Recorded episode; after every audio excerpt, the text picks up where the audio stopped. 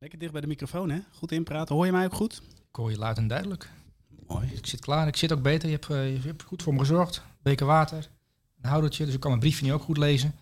Ja, maar ja, je moet, kijk, als trainer moet je de voorwaarden scheppen om je sterspeler, laat maar zeggen, optimaal te laten renderen. Ja. Nee, ik eh, zit er nu eerlijk bij. Nou, mooi. Hey, eh, zullen we beginnen met de leader, Sully? Hebben we een lieder? We hebben een leader. Komt ie aan?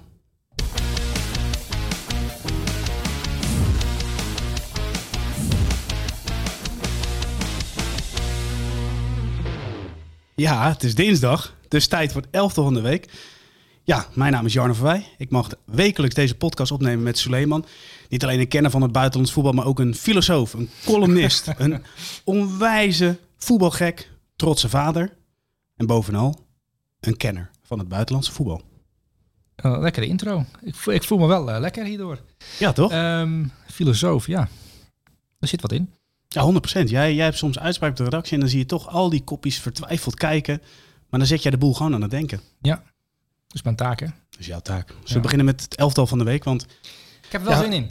Ja, ik ook. Ik moet zeggen, um, het elf van de week uh, samenstellen, weet je wel, dat is een uh, taak die ik serieus neem. Dus ik kijk veel wedstrijden en als ik iets niet gezien heb, dan probeer ik het terug te kijken. En uh, dan zie je mooie dingen voorbij komen. En afgelopen jaar hebben we natuurlijk een aantal fenomenen geboren zien worden in het elf van de week. Uh, Lof Romanier, David Raum, zo kun je nog een tijdje doorgaan. Een st stuk of, Vandaag hebben we ook een fenomeen, maar ga door, Sully. Een stuk of veertig spelers die je dan uh, aan de hand van dit uh, item leert kennen als je niet uh, erbovenop zit. Ja.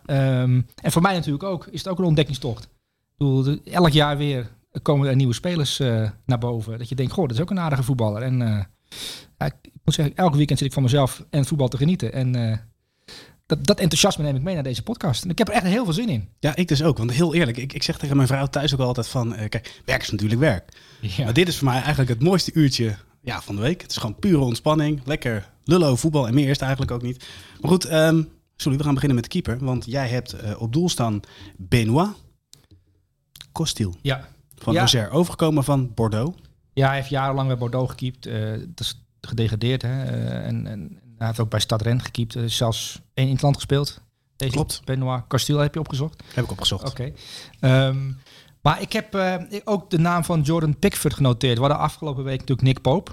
En Nick Pope is het antwoord op al je levensvragen. En dat was ook afgelopen weekend weer zo. Want Nick Pope was weer geweldig. Ja, Pope blijft ook wel een beetje populair, hè? Nou, Nick Pope die is nu aan de stoelpoten aan het zagen van de nummer 1 van Engeland, hè, van Jordan Pickford. Het is nu toch wel een beetje, je ziet al langzaam de vraag in de media opkomen bij journalisten, moet die Nick Pope eigenlijk niet de voorkeur krijgen boven Jordan Pickford? Um, nou heb ik toevallig de naam van Jordan Pickford op een, op een blaadje staan. Uh, want Jordan Pickford kan goed trappen. trappen. En ik heb een assist gezien van Jordan Pickford, een bal over 80 meter, ik overdrijf niet, zo in de voeten van Demarai Gray. En die maakte natuurlijk een doelpunt en uh, bezorgde Everton een punt. Ja. Dan hadden ze verloren. Um, dat vond ik zo'n geweldige assist. Op de manier zoals Ederson ze ook wel schreef uh, bij City. Ja. Um, daarmee gaf Jordan Pickford wel aan waar hij goed in is. Um, maar Nick Pope houdt wel veel ballen tegen bij Newcastle. En Newcastle maakt op mij wel een, een, een, goede indruk. Maar we hebben het helemaal niet over de doelman die erin staat. Dus laten we daarop uh, focussen. Precies, want misschien ja. komt Newcastle later in dit verhaal nog wel terug. Oh ja, ik verwacht het wel. Maar ga door. Nou ja, ik heb voor Benoit Costil gekozen. En uh, ja, niet iedereen zal, zal de wedstrijd Auxerre of Montpellier Auxerre gezien hebben. Een aantal rode kaarten. Uh, aan, de, aan de kant van uh, Montpellier een geweldige voetballer, Savigny. Ja, zeker. Dat is, dat is een fenomeen in Ligue 1. Mooi paas. Mooi rechterbeen. Ja, en ook een goed schot. Alleen die Benoit Costil. Je hebt wel eens dat een keeper voor een fotograaf een mooie bal pakt. In die hoek als een bal komt, dan duik ik en dan kun je een mooie foto nemen. Maar hij deed er een stuk of vier, vijf show, van die showduiken in, in deze wedstrijd. Maar wel ook twee fabelachtige reddingen en één goede redding en één ook een redding die je normaal moet pakken. Maar na twee fabelachtige reddingen, een hele goede redding, vind ik zo'n vierde redding ook wel knap, want dan, dan, zit er continuïteit in je reddingen. Ja. Um, hij werd met een hoog cijfer beloond in de Franse media en er stond in het elf van de week in een L'Equipe. Ja, dan ben ik niet uh, de beroerste om dat ook over te nemen en denken, goh, dat is inderdaad wel een keeper die genomineerd mag worden. Uh, dus Jordan Pickford is helaas afgevallen, ondanks die, die assist, van, die trap van 80 meter die zo in de voeten viel van Gray. Uh, heb ik toch gekozen voor Benoit Costil. Die, die trouwens uh, ambieert om nog op een WK uit te komen. Als derde keeper zich erbij uh, voegen. Nou ja, in het verleden in Nederland hebben we dat ook gehad. Hè? Een ervaren derde doelman. Ja, Dus wie weet gaan we nog, uh, gaan we nog meer horen van, uh, van deze Costiel. Ja, welke redding vond je het mooist? Die um, Savigny? De, ja, de, dat schot van Savigny dat hij hem met zijn Frans hoekhand zo uit de, uit, de, uit, de, uit, de, kruising tikt. Ja, wat kan je nog herinneren? Dat was tijdens het EK. Toen ging het over die redding, de fabelachtige redding van Stekelenburg tegen Brazilië. Ja. En dan gaat het erom, pak je dan de hand aan de kant van de bal of ga je dan, laat maar zeggen, de, de, ja, dat je eigenlijk met de andere arm gaat overstrekken. Ja. Daar was een discussie over. Wat zei Frans er destijds over? Dat kan ik me niet herinneren, want Frans zei heel veel. Ja, en dan was er maar jij weet het nog, geloof ik. Nou, hij vond het een hele mooie redding. Alleen hij had het erover dat je qua uh, reach, want hij, sprak over de reach van een keeper, uh, was op dat moment volgens mij de linkerarm beter geweest. Mm -hmm. Maar hij gaf ook wel aan van doordat je dus voor rechts kiest, had je wel meer kracht om hem weg te krijgen. Daar zat dat in. Heel technisch verhaal eigenlijk. Ja, heel, was wel heel saai verhaal ook. En, en, en we moeten vond je dat? Ik vond het echt leuk toen. Nee, serieus. ik ook, want hij is wel iemand die natuurlijk uh, wel best wel veel invloed heeft. Nu op dit moment ook natuurlijk, omdat hij assistent is van Louis Vergaal. Uh, hij bepaalt ook voor een belangrijk deel de, de, de toekomst van een aantal jonge keepers. Gaat hij wel of niet mee? Ja. Uh, Mark Vlekken hebben we natuurlijk over, de doelman van Feyenoord. Uh, dat zijn wel keepers die zijn toch voor een deel afhankelijk van de kijk van Frans Hoek. Dus wat Frans Hoek ons toen verteld heeft, vertelt hij natuurlijk ook aan die, aan die aan die gasten. En natuurlijk ook aan Louis Vergaal. En, en ik geloof dat Louis Vergaal blind, gaat, blind vaart op de informatie die hij van Frans Hoek krijgt. Absoluut. Um, dus ja. Um, maar Benoit Costil die, uh, die is geslaagd voor de Frans Hoektest. En uh, een 9. Een 9, oké. Okay. Hey, dan gaan we door naar de rechtsbackpositie. En dat is wel eh, echt een interessante. We praten over de rechtsback van uh, Villarreal. Ik wist al dat jij dit interessant zou vinden. Ja? Ja, ik wist al van tevoren dat jij bij het bekijken van de, van de beelden van Villarreal Atletico Madrid... dat jij daar toch gaat zitten omdat je denkt, goh, wat gebeurt hier eigenlijk op het veld? Wat probeert Atletico en wat zet Villarreal er tegenover? Unai Emery tegen Diego Simeone, dat zijn natuurlijk twee trainers die uh, uh, voetballen op een schaakbord eigenlijk. Ja. Um, en, en dat zag je terug in deze wedstrijd, want de samenvatting uh, van Ziggo Sport geloof ik was twee minuten. Um, want ja, een schaakwedstrijd samenvatten is heel vervelend, want er gebeurt eigenlijk niets. Maar ook heel veel. Maar ondertussen gebeurt er heel veel en, da en dat is jouw terrein. Ja, want we, hadden, we hebben het over uh, Juan Voigt, zeg ik dat goed? Juan Voigt, ja, ja. Eh, Argentijn, hè, ook gewoon international. Ja, want het, even voor, voor, voor uh, de luisteraars in dit geval. Het veld tijdens uh, Villarreal Atletico was enorm groot. Nou, je zegt, het veld is altijd een vaste afmeting, maar de bezetting op het veld was ja. enorm groot. Dus Villarreal maakte het zowel in de lengte als in de breedte gigantisch vanuit een 4-4-2-formatie. Ja. Uh, Atletico speelde vanuit een 5-3-2-formatie. En wat Villarreal deed, deed, is eigenlijk het binden van de tegenstanders, lokken, ruimtes uh, uitlokken, laat maar zeggen. En daarin was Voigt een hele belangrijke. Want ja. als je de statistieken terugkijkt, had ook een aantal hele belangrijke dribbles. Ja. En dan kun je zeggen, nou ja, dat is niet zo bijzonder. Maar wel, als je op het moment dat je één iemand uitspeelt en vervolgens 20 meter in kan lopen, of dribbelen, dan zegt dat eigenlijk heel veel. Ja, ja, kijk, dit is zo'n wedstrijd. Je hebt natuurlijk uh, uh, Parejo en Capoe op het middenveld. Dat zijn de twee uh, patrons, de veldheren van Villarreal. En dan heb je achterin natuurlijk twee jongens staan die ook redelijk goed kunnen opbouwen. En dat zie je ook terug natuurlijk in het spelopbouw. Want Villarreal is ook wel in staat om Atletico van links naar rechts te laten bewegen. Net zolang totdat er een moment is dat je kan versnellen naar voren ja. toe.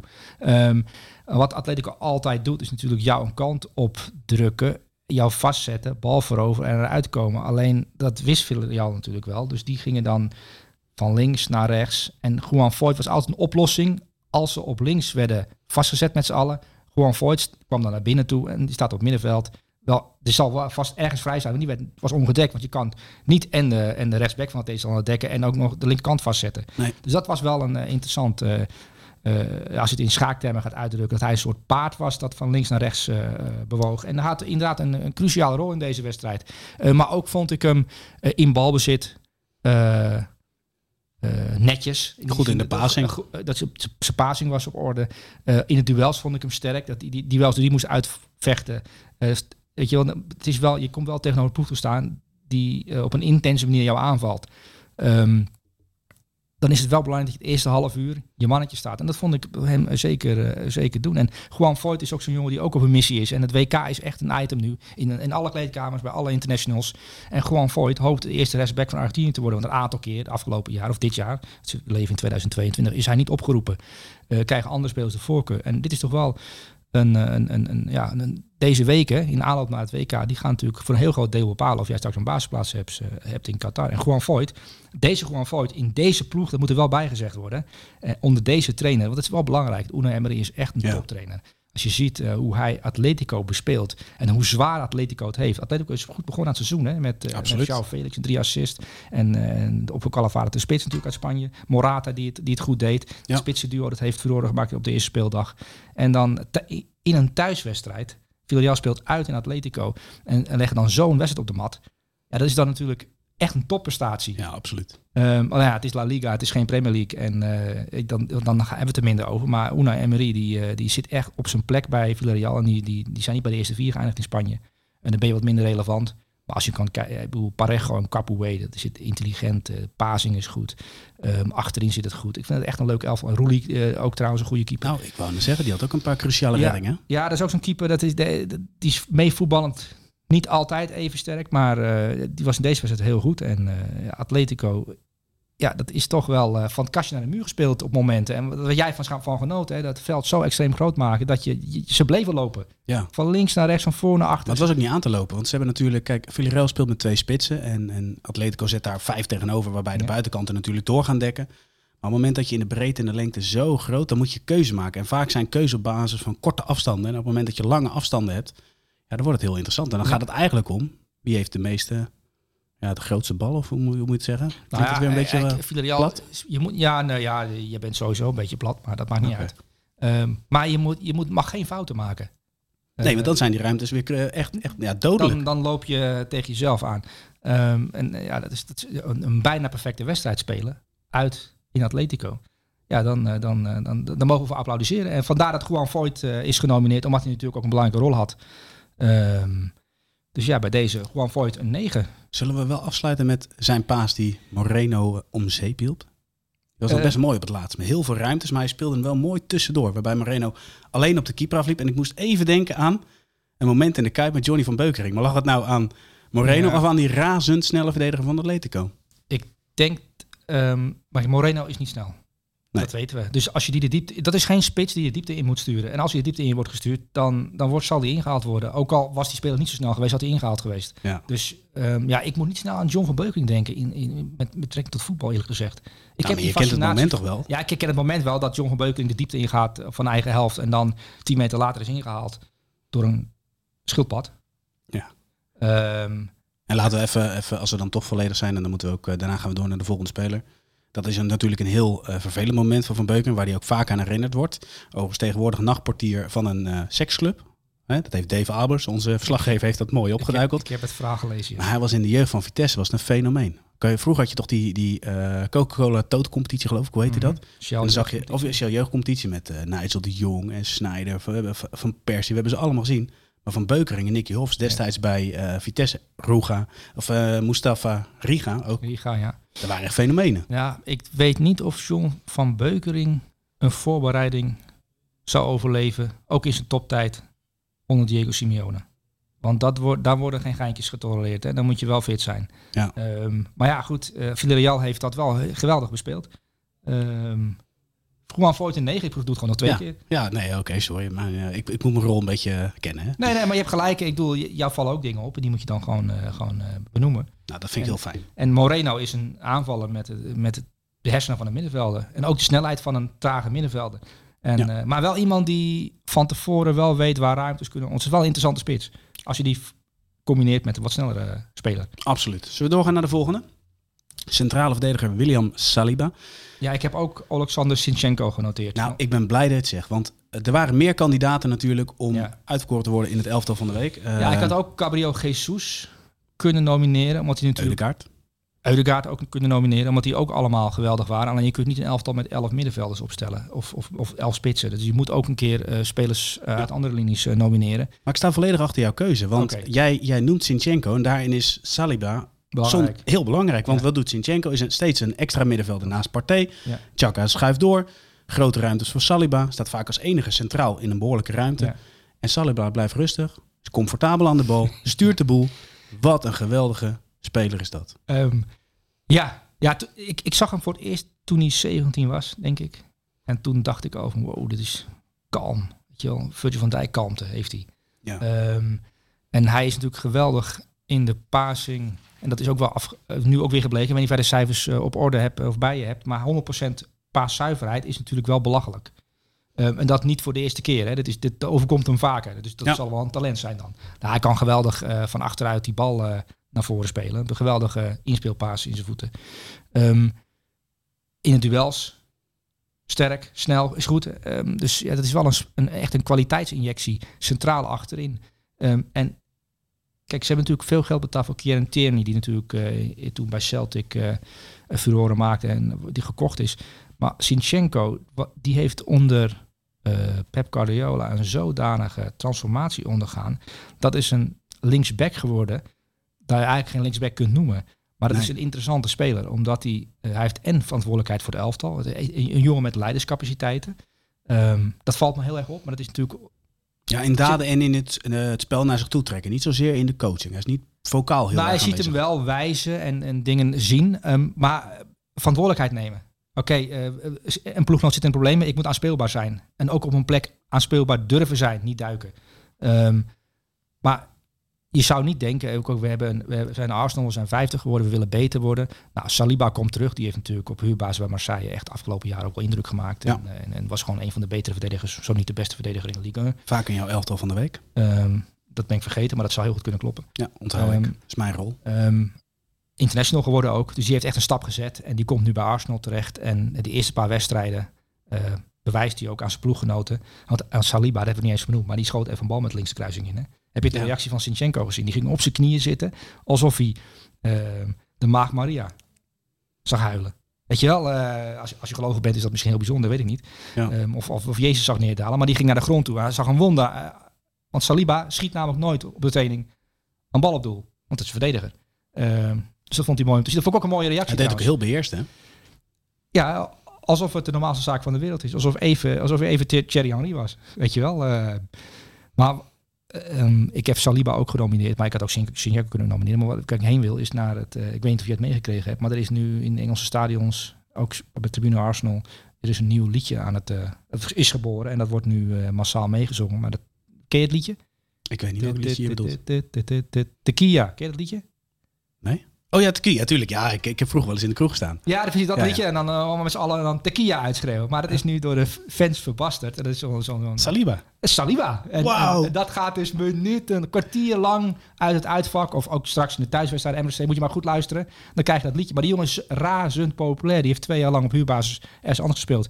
Die is eh, het elftal eh, binnengekomen. Arteta heeft hem daar rechts centraal neergezet. Ben White naar rechts. Eh, en- een cultheld. Mooi, man. En dat, dat, dat liedje, dat moet je maar eens even opzoeken. Dat is gekmakend slecht. Maar daardoor ook weer heel leuk. Soms zijn het ook wel goede nummers. Virgil van Dijk heeft een heel mooi nummer, vind je niet? Ja, ja, dat wordt natuurlijk eh, regelmatig ook gezongen in de cafés. En eh, Ja. hoe meer bier erin gaat, hoe, eh, hoe beter mensen dat kunnen meezingen. Ja. Zullen we tot slot nog even... Zing jij wel eens voetballiedjes mee? Zo, eh, Ehm, nee, nee, niet zozeer. Ik kan er wel van genieten. Want je hebt soms van die opkomstmuziek, weet je. Ik heb niet een, een enorme voorkeur voor clips bijvoorbeeld. Maar ik vind bijvoorbeeld de Sparta-mars als... als ze SP. op, als ze, Ah, laat maar ja. zeggen, het veld Ja. opgaan, vind ik echt heel mooi. klopt. Dus, maar een beetje nostalgisch. En Ja. Maar eh, het Arsenal hè, met, met Sinchenko en Willem Saliba erbij, achterin.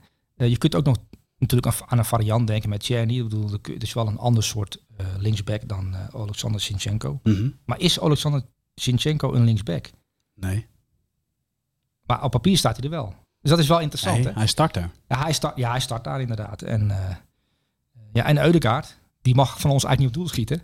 Nee, Dat heeft hij stiekem wel gedaan een paar keer. Het, het- ook nog twee keer scoort. hij pakte hem af van eh Gabriel ja. Jesus. Het is niet Jesus. Ja, Maar wel, ik op aangesproken. ja, je uitspraak moet wel kloppen inderdaad. Ja. Ehm, maar die had ook een actie, hè, eh, Gabriel. Jesus. Oh, die was lekker goed. Die was echt goed bezig die- hoor. Ja, maar die neemt pluk zo'n bal uit de lucht en dan gaat er eh, individuele actie aan. En ja, het is, het is wel echt... Ik vind het soms fascinerend dat een jongen drie, vier, vijf jaar bij City speelt. Eh, een heel seizoen lang eigenlijk alleen maar met invalbeurten eh, zich mag bewijzen. Dan ook gewoon vijf keer scoort tegen Watford, geloof ik, vorig jaar. Een keer. Ja, maar wij hebben in Manchester de gekooide versie van eh Jesus gezien. We Ja. hebben niet de echte spits gezien jij- die er nu is. Vind jij het niet opvallend dat, dat een spits van Manchester City die daar goed gefunctioneerd heeft als eh, gelegenheidsaanvaller op links en op rechts en ook in de spits en, en een linksback die afgelopen seizoen best wel belangrijke wedstrijd heeft gespeeld, hè, Sinchenko. Dat hij dan naar Arsenal gaan. Is ook de Guardiola denken, ik gun Arteta ook een leuk elftal.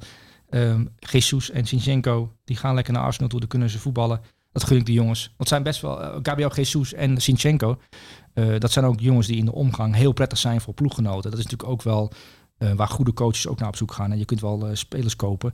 Maar een elftal wordt echt beter van kwaliteitsspelers die ook nog eens geweldige gasten zijn. Ja, maar uiteindelijk, sorry, stel nou dat ze nog langer waren gebleven in Manchester. En ze hadden nog steeds dezelfde rol. Want uiteindelijk krijgt Cancelo altijd de voorkeur. En uiteindelijk uh, zou uh, Jesus niet zoveel gespeeld hebben met de komst van Haaland. Ja. Uiteindelijk, als je, als je, als je na een periode van uh, ja, een aantal jaar, waarbij je 13, 14, misschien 15, 16 een man bent, ja. dan is het op een gegeven moment ook goed. Ja, niet alleen. Moeten toch jongens zijn die gretig blijven? Ja, dat ook. Maar je hebt nu bijvoorbeeld, um, ik denk dat er trainers zijn, op, dat weet ik wel zeker. Um, als je in Engeland in de Premier League uh, een, een, team traint en je bent de trainer van, je bent trainer van Southampton of van Leeds of van Liverpool, die scouten alleen bij ploegen die ook met die energie spelen. En weet je wel, um, er komen best wel veel spelers van Liverpool bij Leipzig of bij Salzburg vandaan. Of die daar getraind, onder een bepaalde trainer hebben getraind. Um, het is natuurlijk de nummers 16, 15 en 13 en 18 en 19 en 20 van Manchester City. Dat zijn natuurlijk voor clubs als Arsenal, waar een trainer zit die op dezelfde manier wil voetballen, zijn natuurlijk prachtige aanwinsten. Ja. Um, maar ik zou het wel raar vinden als Arsenal een titelkandidaat is, dankzij Jesus en Sinchenko. Dat, dat, dat is toch wel vreemd dat je je concurrentie sterker maakt. Dat zie je niet toch heel snel gebeuren. Dat, dat je, dat die, dus City had natuurlijk ook kunnen denken, ja leuk, maar Sinchenko gaat niet naar Arsenal, want uh, je wil Arsenal niet dichterbij je hebben. Nee, maar aan de andere kant had jij had je verwacht dat, uh, ja, dat het deze uitwerking zou hebben. Nou, Sinchenko uh, vind ik wel echt een geweldig indruk maken bij Arsenal, omdat hij er kennelijk geweldig past daar als linksback. En mm -hmm. Jesus um, heb ik nooit beter gezien dan de afgelopen paar weken. Nee. in die rol, met die verantwoordelijkheid. Maar ook, hij is nu echt de, hij is de nummer één daar bij Arsenal. De belangrijkste speler. Um, de nummer één spits. Um, en ja, maakt nu week in week uit een geweldige indruk. En er staat ook veel, heel veel plezier uit vooral in, in dat spel. Ja. Um, en het past ook geweldig natuurlijk met Martinelli, met, met, met Saka en met Eudegaard, die, die nu captain is. Een jonge captain, ook leuk. Mooi om te zien, Uh, juist. ja, en uh, ja, dat marcheert geweldig. Uitstekend. Wat is het cijfer voor uh, Saliba? Ja, een paaszuiverheid van 100%. Een 9. Over paaszuiverheid van Maar ik heb uh, dit elftal, want we komen straks bij de echte uitblinkers. Hè, de, de jongens die nog veel meer indruk hebben gemaakt. Maar ik heb uh, een paar masterclasses gezien hoor. Nou ja, zeker. Echt weten, een ja. hoog niveau deze week. Ja, maar jij, jij hebt ook een hoog niveau vandaag. Houd het ook vast. Houd het ook dankjewel. vast. Uh, we gaan naar de volgende, want jij hebt het over een 100% score. Hè? Ja. Als je nou de naam Pascal Struik Ja. en je denkt dat hij geen bal verkeerd gespeeld heeft. Zou je dat dan geloven? Nee, dat zou ik niet geloven. Nee, want Leeds United speelt tegen Chelsea. Hij speelt daar linksback. Ja. Loftus-Cheek heeft echt een ontzettende klote middag gehad. Laten we dat wel weten. Mount, hij dekt door. Die heeft ook een verschrikkelijke middag gehad. Ja. Maar daarnaast aan de bal heel degelijk. Niet dat hij alleen maar de safe oplossing kiest. Absoluut niet. Goede prestatie geleverd. Ehm, nou ja, kijk. Pascal Struik en linksback.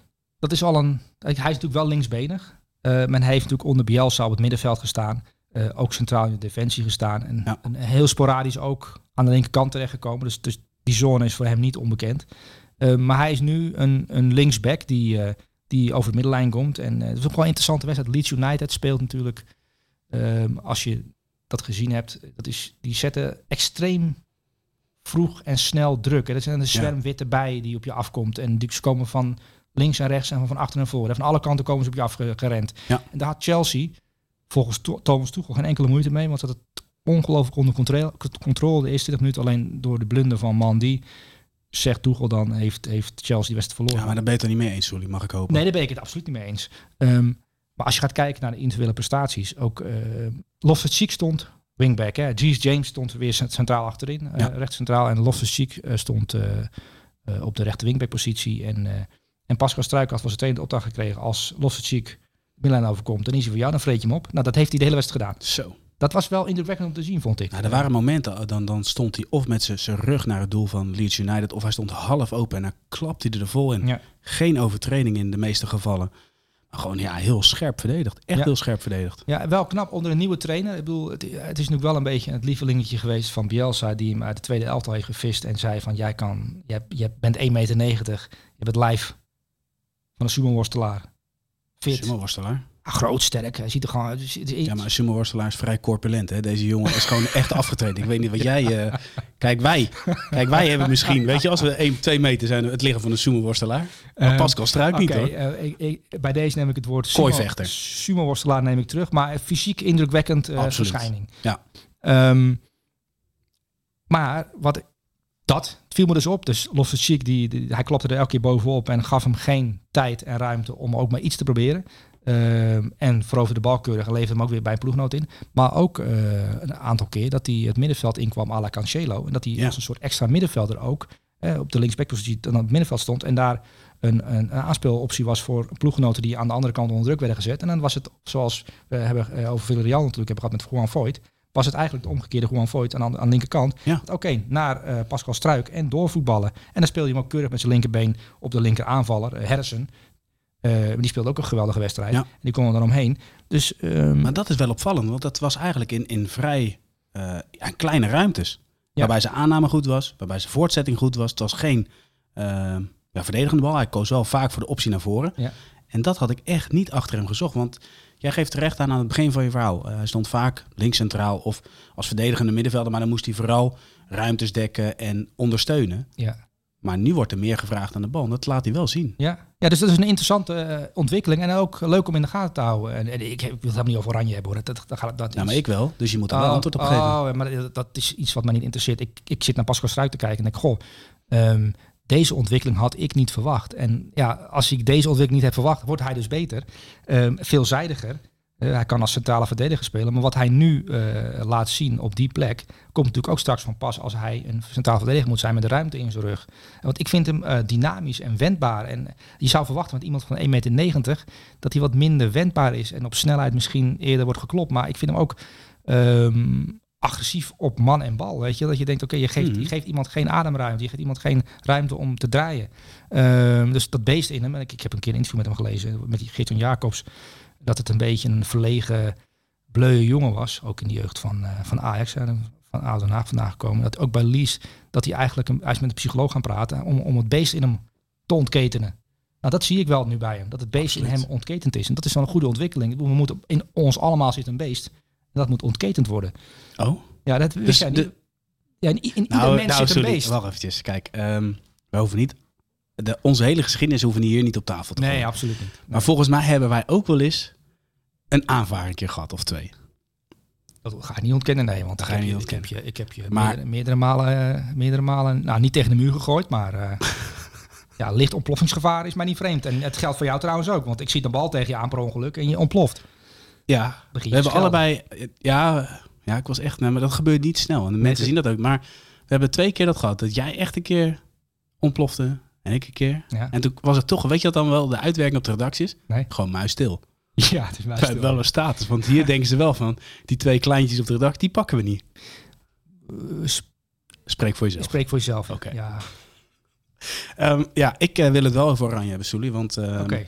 Want jij hebt gedachten erbij. ja, want kijk, nu uh, Leeds start vanuit een 4-2-3-1 formatie. 1 4-2-3-1. Anders Ja. wordt Vergaal Ja. boos. Ja. Eh, Je moet de keeper altijd wel meerekenen. Trouwens, goede keeper Meslier. Zo, Dat moet wel genoemd worden, want Absoluut. dat is een keeper. Het zou mij niet verbazen. Eh, laten we in de toekomst kijken. Want jij, jij wil aan Oranje denken, ik wil graag in de toekomst kijken. Dan kom ik zo bij Oranje. Eh Meslier, Manchester United. De Gea, vervanger. Is wel goed met de voeten. Meslier Ja. ook. Dus, maar goed, nu, nu mag ja, jij. ik ben het helemaal met je eens. Nee, eh, kijk, even een ander systeem. 1-3-4-3. Eh, waar- waarbij je dan Vergaal nog niet weet hoe de driehoek voorin eruit ziet. Maar goed, daar gaan we achter komen. Als linker centrale verdediger. Zie jij een kans weggelegd voor Pascal Struik? Eh, mocht de blessure van Nathan Ake ehm zodanig zijn dat hij de komende twee maanden niet kan voetballen en mocht hij niet op tijd fit zijn voor het WK, dan komt er natuurlijk een andere linker centrale verdediger eh, in beeld Ja. met een linkerbeen. Ehm, Ja, want dat wil Vergaal. en, precies, en als je dan gaat tellen in de internationale topcompetities, ehm, dan kom je al snel uit bij Sven Botman, Newcastle United. Ja. Eh, maar ook bij Pascal Struik natuurlijk eh, van Leeds United, die ook nog eens linksback kan spelen. Die je op een, in een 3-5-2 systeem, als het tegen een 3-5-2 speelt, de wingback kan laten, de, linkback, de wingback kan laten afstoppen. De linkback, de wingback. Ja. Ehm, dus ja, dat zijn, dat, dat zijn, Oranje heeft natuurlijk allerlei scouts die eh, precies hetzelfde doen als wij doen. Voetbal kijken en daar op basis daarvan dingen vinden. Ehm, en zo- zoals Jeremy Frimpong uit het niets bij Oranje kwam en uiteindelijk weer afviel omdat hij geblesseerd raakte. Kan natuurlijk ook Pascal Struik, die, die eh, Martinez geloof ik van België ook een interessante speler vindt. Ja. Kan die zomaar in beeld komen? Want ja, eh, eh, zoveel linker centrale verdedigers met een linkerbeen zijn er natuurlijk niet. En ook nog eens iemand, tenminste een persoon die ook nog eens op meerdere posities zou kunnen spelen. Wat interessant kan maken. En goed is ook aan de bal. Dat is de reden waarom Bielsa hem bij het eerste haalde. Ehm, en eh, waarom Jesse Mars hem nu ook een belangrijke rol heeft gegeven bij Leeds United. Want een trainerswissel van Bielsa naar Jesse Mars, Jesse Mars, is natuurlijk een, nogal een switch. Ja, maar hou dit vast, want misschien is hij wel de trainer van de week. Ik durf het niet met zekerheid Oh. te zeggen, maar het zou kunnen. Het zou Oh. kunnen. Oké, nou, dat, Ja? eh, dan, ja, Maar ehm, ja, Pascal Struik, een cijfer, Soelie. Een 9. Een 9. Oké. Hey, we gaan door naar de volgende, want jij ehm, vorige, vorige week koos je voor een eh 1-4-3 formatie. Nu weer voor ouderwets 1-3-4-3. Maar, eh, ik, ik, voor dat, eh, want er zijn mensen nu aan het koken. En er zijn mensen aan het hardlopen. Er zijn mensen in de sportschool lekker bezig. En er zijn mensen die eh, met de vrouw in bed liggen. En heerlijk naar die zwoele stem van ons luisteren. Eh, Nou, dat zou je- helemaal niet zo verkeerd zijn. Nee, maar zou je niet meer één... Want ik word daar heel zenuwachtig van. Ik heb geen idee waarom. Maar het, het, Ja, maar voor wie, maar ja, ik, ik wil je ook, gewoon 4-2-3-1, 4-3-3, 3-5-2. Als je systemen wil noemen, geen één ervoor. ja, maar ik ben heel gevoelig piepen. voor, ja, maar ik ben wel heel gevoelig voor comments. En de ene keer zeggen ze van, jeetje, wat is het? Wat Nee, is die nee. presentator aan wijsnes? En de andere keer dan zeggen ze van, jongen, jongen, jongen, hij is toch trainer? Hij vergeet de keeper altijd. Ja, maar denk aan mij. Ik word er zenuwachtig van. Oké, het, gaat- het draait om jou, ster van de show. Ik moet nee, jou laten nee, dat wil ik niet zeggen. Maar de rest is onbelangrijk. Maar eh, ik wil wel ontspannen hier zitten. En als, als iemand in een gesprek continu het woord één voor een systeem zegt, word ik heel nerveus. Nee, is goed. Eh, je hebt helemaal gelijk. Eh, weet je, je moet continu evalueren. Ja. Ook op je eigen, eh, nou ja, weet je, skills. Nou ja, dan moet je op reflecteren. Eens, ik pak het op. 4-3. Ja. Jij kiest vandaag voor 3-4-3. Eh, en aan de buitenkant kies je dan voor Kingsley Coman. Ja. Ik wil met jou het volgende bespreken. Hij komt, hij wordt aangespeeld. Hij zet aan voor een dribbel. Hij versnelt. En iedereen denkt, die bal gaat naar Sané. Hij speelt hem op. Maar nee, Dus mooie paas. is één letter verschil. Ja, Ehm, maar niemand had die paas aan zien Nee. komen. Nou, wat je bij eh Bayern München nu ziet ontstaan. ehm Julian Nagelsman is natuurlijk voor het tweede jaar trainer. En uh, de afgelopen jaar was er ook veel kritiek op Julian Nagelsman. Ook omdat Bas, of Bayern München veel doelpunten tegenkreeg. Hè. Bochum vorig jaar, ik weet niet of je kan herinneren, kregen ze ineens vier doelpunten tegen. Ja. In de eerste helft. Dat is dezelfde tegenstander als, eh, als afgelopen weekend. En nu is het eh, 0-7 geworden. Ehm, maar daar komen we misschien zo op over de competitie en of die te makkelijk is voor Bayern München. Want ze zijn natuurlijk al tien jaar rij kampioen geworden. En ze zijn Ja. nu alweer bijna kampioen. Ehm, Antwoord is al gegeven. Ga door. Precies, maar je zit te kijken naar het elftal en dan de, de keuzes die spelers maken. Eh, je hebt logische keuzes, je hebt de makkelijkste keuzes, maar je hebt ook keuzes die, die verrassend zijn. Eh, derde man, in principe, wat, waar Pieter Zwart zo eh, fan van is. En dat je denkt van, goh, dit is een ploeg die, die, die tegen de richting in voetbalt ook. Dat gebeurt ook bij Bayern München heel veel. Ehm, en Robert Lewandowski, die naam, die is natuurlijk heel vaak gevallen in de zomer. En eh, iedereen heeft daar een mening over gehad. Eh, Kaan die daar moest op reageren. De technisch directeur, Salihamidzic moest erop reageren. De trainer, Nagelsman. Ehm, maar sinds er wordt gevoetbald in Duitsland, is die naam helemaal niet meer gevallen. Want ehm, dan, dan schiet Sané een bal de kruising in. Dan loopt Mané de bal eh, binnen. Dan zie je Coman er voorbij gaan met, met drie assists uitblinken in zo'n Ja, wedstrijd. maar we kunnen, je, je geeft net al aan, het is te makkelijk. We kunnen eigenlijk pas gaan, nou ja, voor, voor Bayern München is het te makkelijk. Dus we kunnen pas eigenlijk echt oordelen als de Champions League Ja, gaat starten. Met 7-0 winnen van Bochum is niet makkelijk. Met 2-0 winnen van Bochum is makkelijk. Oké. Ehm, met 7-0 winnen van Bochum, waarbij de spelers van Bochum na afloop bij moeten komen, iets later interviews moeten geven, omdat ze gewoon omver geblazen zijn door dynamiek, intensiteit, energie. Ehm, het is gewoon een topprestatie. Met 7-0 winnen van Bochum. Bochum speelt in de Bundesliga hele goede wedstrijden tegen andere ploegen die ook gewoon vijfde staan, zesde staan, achtste staan. Als Bayern München met 7-0 wint van Bochum of Freiburg of Leverkusen, hebben zij een topprestatie geleverd. Ik vind het dan te makkelijk om te zeggen, ja, die competitie stelt niks voor. Nee, Bayern München is godsgruwelijk goed. Ja, oké, maar dan straks met Maar- maximale weerstand. Ja, maar dat is natuurlijk al, dat is altijd natuurlijk zo. Eh, dat, dat, dat kun je ook zeggen van City. Die heeft ook al tien jaar de Champions League niet gewonnen. Ehm, je krijgt in de Champions League straks in de kwartfinale of de halve finale, ehm, krijg je een wedstrijd. Die, eh, ja, die moet je winnen. Wil je een seizoen geslaagd hebben, hè, dan, dan gaan Maar goed, mensen... do- domineren in de Premier League of in de Bundesliga, daar zit wel een verschil in, toch? Ja. Zou Bayern München domineren in de Premier League? Ja, tuurlijk. Nou, jij zegt ja, tuurlijk. Hoezo ja, tuurlijk? Nou, het is een topclub en, en die hebben dan ook het geld om al die spelers te kunnen halen die ze, die ze willen halen. Maar dat is ook een, dat is een discussie die ik niet interessant vind. Ik kijk naar Bayern tegen Bochum en ik zie gewoon... Ja, je, eh, je moet Nee, nee, nee. Nee, ik vind het juist goed. Ga door. Maar, maar ik vind de discussie niet zo interessant. Waarom niet? Omdat Nagelsman is een jonge trainer die, die nu het tweede jaar is ingegaan. Die heeft heel duidelijk laten weten wat hij wil. Ehm, die heeft adequaat gereageerd op het vertrek van een sterspeler. Daar is Sadio Mane voor in de plek gekomen. Ik kan me nog de herinneren, eh, ik kan me wel herinneren dat een aantal mensen zeiden van Sadio Mane, ja, is dat dan wel een speler die Bayern g- beter gaat maken? Dan kijk je naar de individuele speler en het aantal doelpunten. Ja, hij maakte geen 40. Nee, hij maakte geen 40. Nou, hij ligt op schema om gewoon 30 te maken. Ehm, maar Mane maakt wel Sané beter, Coman beter, Kimmich beter. Dus alle spelers van Bayern München zijn een klein beetje beter geworden omdat Mane het elftal is ingekomen. Dus Bayern München is als geheel beter geworden. Ehm, en de manier waarop zij druk zetten en Bochum kapot spelen, want je wordt echt gewoon kapot gespeeld. Ehm, als je denkt, je kan eventjes eruit komen, zitten er alweer drie spelers in je nek. eh, en ze schakelen geweldig om. Ehm, en Thomas Müller loopt daar ook als oudje rond. Ehm, moet- nou vraag ik me wel af, Lewandowski is afscheid van genomen, hoe lang Thomas Müller in dit tempo kan meegaan bij Bayern München. Hoe belangrijk hij nog gaat zijn de komende jaren. Nou, het hangt er wel ook een beetje af van zijn rol. Want hij is natuurlijk in die zin minder in beweging dan de andere jongens die je net noemt. Ja. Hij is meer eigenlijk, ja, de, de kapstuk, rustpunt, eh, noem, het allemaal maar op. Maar ja, Maar Kingsley Coman, hè, wat, wat, wat, die constatering van jou, en het vond ik eigenlijk wel interessant wat je zei. Eh, Kingsley Coman is natuurlijk iemand die, die qua natuurlijke aanleg, dat is gewoon een 100 meter sprinter. Hè. Die, die, die, zijn startsnelheid, de manier waarop hij bij een tegenstander vandaan beweegt. eh, hij is niet te grijpen. Hè. Dat is echt iemand die, die, die, die echt een flits vertrek heeft. Die, die is gewoon Ja. weg. En, en, ehm, maar punt bij hem, Kingsley Coman, was vaak of hij raakte geblesseerd omdat hij eh, een, een actie te ver doorvoerde of omdat hij een tackle niet zag aangekomen.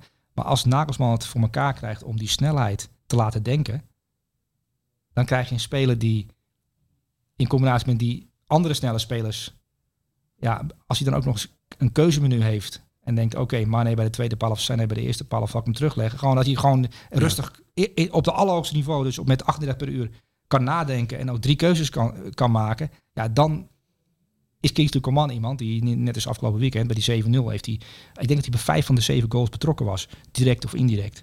Ja. Dan heb je wel, dan heb je natuurlijk wel impact. Ja, dan heb je zeker impact. En- Maar het is leuk om naar, het is ook echt wel mooi om naar te kijken. Want je ziet heel veel positiewisselingen daar. Ja. Je ziet heel veel spelers in, in beweging. Ja. En, En, in, eh, en Matthijs de Ligt, daar hebben we het helemaal niet over gehad nog. Maar Matthijs de Ligt eh, en Upamecano natuurlijk als centraal duo. Upamecano rechts en Matthijs de Ligt links. En er was natuurlijk bij Juve altijd de discussie van... hij Ja. moet hij niet op rechts staan. En eh, Frank, ook de bij Boer, Oranje. eh, Frank de Boer vond hem niet kunnen op links. Van Gaal trouwens ook niet. Maar hij staat nu gewoon linker centrale verdediger. Is voor, voor, voor de Ligt toch ook wel een uitdaging om daar in zo'n top elftal je in de basis te spelen. Met Lucas Hernandez nu ook op links nu. Ja. Davies was er niet. Ehm, ja, het is wel... eh, En wat voor indruk maakte die bij jou? nou, hij maakt natuurlijk een doelpunt. Dus hij, dit, daar is hij ook voor gehaald. Hè? eh, dat hij een stuk of acht doelpunten in- incalculeerd is door eh, Ja. de Nagelsmannen bij, bij hoekschoppen. En dat is prettig dat je dan ook scoort. Want dat is ook een fenomeen in de lucht. Zeker. Ehm, ja, en het gaat erom dat, dat, dat Bayern München, dat zet heel hoog druk. Hè? Dus Matthijs ligt bijna op de 1600 tegenstander te dekken. Ehm, het, is to- het is een totaal andere sport, wat hij nu doet, ten opzichte van zijn Juve-periode. ja, wat het dat scheelt, betreft het scheelt herken- 30, 40 meter. Tuurlijk, maar eh, bij Ajax was dit wel gewend. Daarom. Dekte die ook door. Daarom. Dus hij is nu weer in zijn natuurlijke habitat. Wat hij leuk vindt ook. Ik vind hem ook eh, eh, een stuk, eh, ja, hoe zeg je dat, ontspannender overkomen. En ik iets meer plezier in, in, in, in het vak dat je uit. Waar zie je dat in, Soelie? Ja, in de manier waarop hij beweegt, kijkt. Met ploeggenoten ook. eh, het, is, het is wel fijn om speler te zijn van een ploeg die met 7-0 wint. Die, die, die, die het avontuur zoekt. Bij Juve, eh, Bologna is het toch eh 1-0 jongens. Tranquilo. Wat de Spaans trouwens. Maar goed, eh, rustig aan. Ja. Weet je wel. En, en bij Bayern München is het bij 6-0. We gaan er nog overheen. We willen 7-0 maken. En liefst wel met 10-0 winnen. En, en dan, kun je, dan vind ik het kinderachtig om de afloop te zeggen. Ja, dat is geen tegenstander. Nee, Pogum is een tegenstander. En dan win je met 7-0 van. Dat is ongelooflijk knap. Oké. Vind jij, of vind jij dat eh, onzin? Nee, onzin niet. Maar ehm, kijk, het is natuurlijk ehm, heel eerlijk. Als jij, als jij nou naar een, journalist van Kieker vraagt van joh, wat, wat verwacht je van komend seizoen? Dan zeggen ze nou, eh, nummer 1 is Bayern. Ik ben benieuwd wie de tweede wordt. Dat is toch gewoon zo? Ja, ja maar, dat, ja, maar dat, is een, dat is een gegeven. Ehm, en het is aan Dortmund en Leipzig en aan Leverkusen eventueel om het, om het moeilijk te maken. Maar Ehm, als Bayern München op drie punten voor staat in november, wordt de trainer ontslagen, want dan is, dan is het gat naar het nummer twee te klein. Ehm, dat is Ja, en ze willen gemaakt worden. En, en, en, nou, en de Champions League. Ze moeten, een, ze moeten gewoon bij de beste vier ploegen ter wereld horen. En dat is de opdracht aan Nagelsman ook geweest. En daarom was die uitschakeling tegen Villarreal zo eh fnuikend. En zo heeft, heeft wel heel veel eh, pijn gedaan ook in, in München. Dat je van Villarreal verliest. Omdat je daar tactisch eh, afgetroefd wordt door een trainer die, eh, die jou geanalyseerd heeft. En, en, en daardoor heeft Nagelsman is aan de slag gegaan. En dat is wat Conte ook heb- heeft gedaan. En dat wat goede trainers doen in de zomer. Die gaan, die kijken de spiegel in. Die duiken het bed in met een beeldjournalisten. En die komen na afloop Ja? als sterke mens terug. Jij weet Oh. toch dat Nagelsman, eh, de, de, de, de, de, Bielt, de Bayern-watcher van Beeld, dat is nu zijn eh, vriendin, hè? Wauw. Dat heb jij niet meegekregen? Nou ja, ik- ben niet zo van de gossip. Ik wist het wel van, eh van, van Casillas natuurlijk. Daarvan is bekend. Ja. Maar eh en Nou- Mertens heeft natuurlijk eh, verkering met een... Ze, ze vond het bij, bij de Beeld wel opvallend dat, dat ze toch elke keer de primeurs hadden van Bayern München. Maar de, de verslaggever bleek gewoon in bed te liggen met de trainer. dat is wel goed hoor. nou ja, als je dan echt zegt van, weet je wel, je, moet er ergens induiken. Nou ja, dat heeft ze gedaan, Ja. hè? Nou, wel een leuke vrouw trouwens. En Ja. ze zijn ook op een romantische bootvakantie geweest. Ik heb de beelden gezien. En er lag... nou, Oh, ik, jou, jou, ik zweer je, dat social voetbal is nog niet uit jouw systeem. Hè? Zeg eerlijk? Nou, maar eh, ja, daar is zoals je voetbal. Ja, maar dit is ook gewoon iets wat je. eh, Als je gewoon de krant opslaat, zie je natuurlijk. Zie je gewoon de foto's die. Beeld is niet zo'n krant dat het op pagina 18 rechts onderin een fotootje plaats van Nagelsman. Als zij die beelden hebben, staan ze op de cover. En dan word je daar als lezer wel mee vermaakt. Dus eh, dat, dat, dat, Ja, want even voor de luisteraars, jij hebt jarenlang de rubriek social voetbal heb jij gewild in het, in het blad.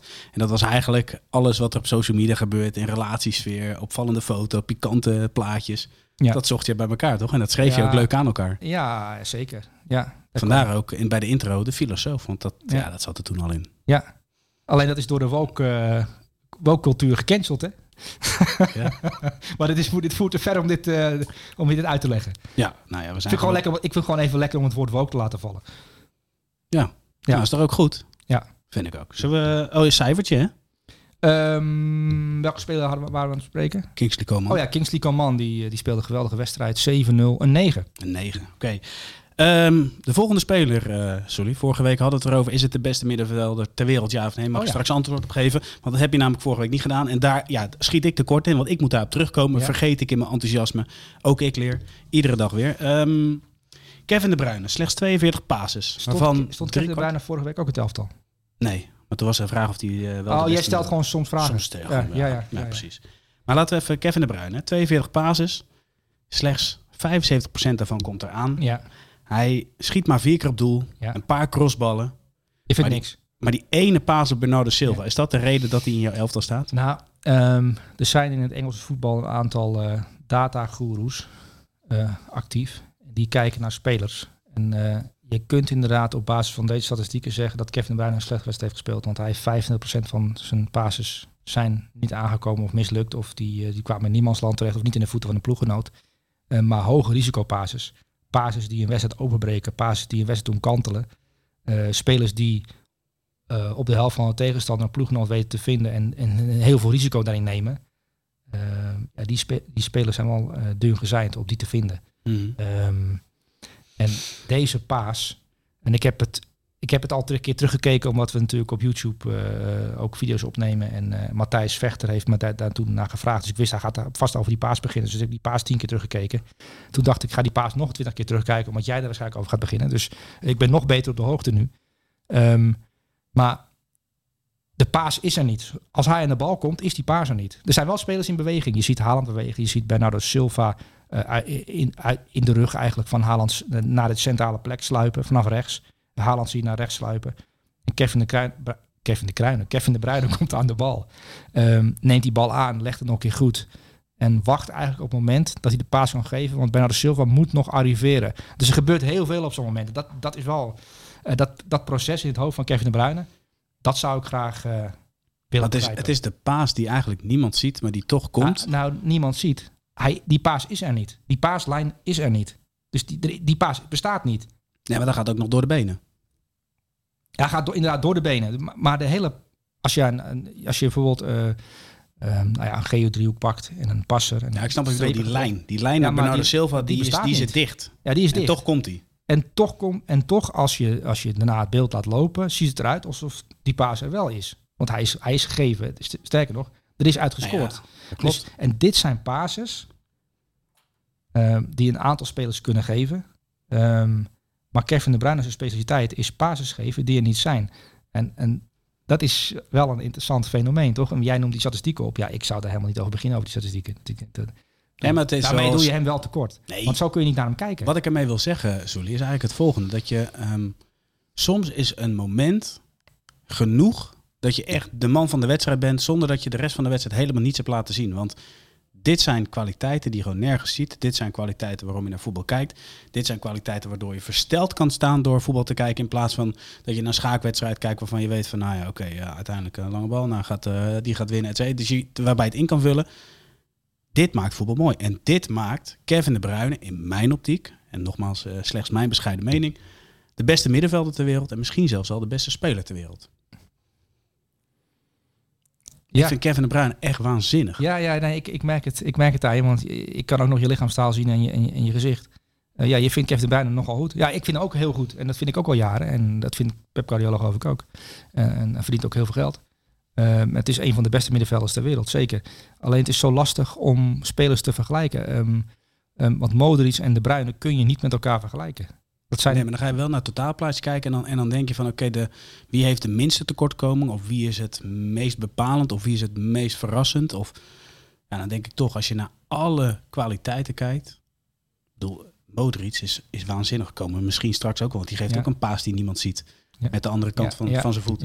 Ehm, maar de Bruin heeft ook nog eens een keer een actieradius, een, een actie, snelheid, kan druk zetten, kan organiseren. Dus is ook voor het team, wat, wat Guardiola graag wil, heel belangrijk om dwingend en dominant voetbal te spelen. zeker. Maar als jij Kevin de Bruyne... Stel je haalt Kevin de Bruyne uit de context van Manchester City. Je, je transporteert hem naar Barcelona. En daar is Xavi trainer. En Xavi zegt, Busquets speelt niet. Kevin de Bruyne speelt op de plek van Busquets. Wat krijgen we dan te zien, denk jij? Nou, als hij op de plek van Busquets speelt, dan denk ik dat je niet het optimale eruit had. Maar speelt hij rechts of links aanvallend, want hij speelt bij Barcelona spelen ze natuurlijk met de punten achter. Dan denk ik dat je wel een hele andere dynamiek gaat zien. Ja.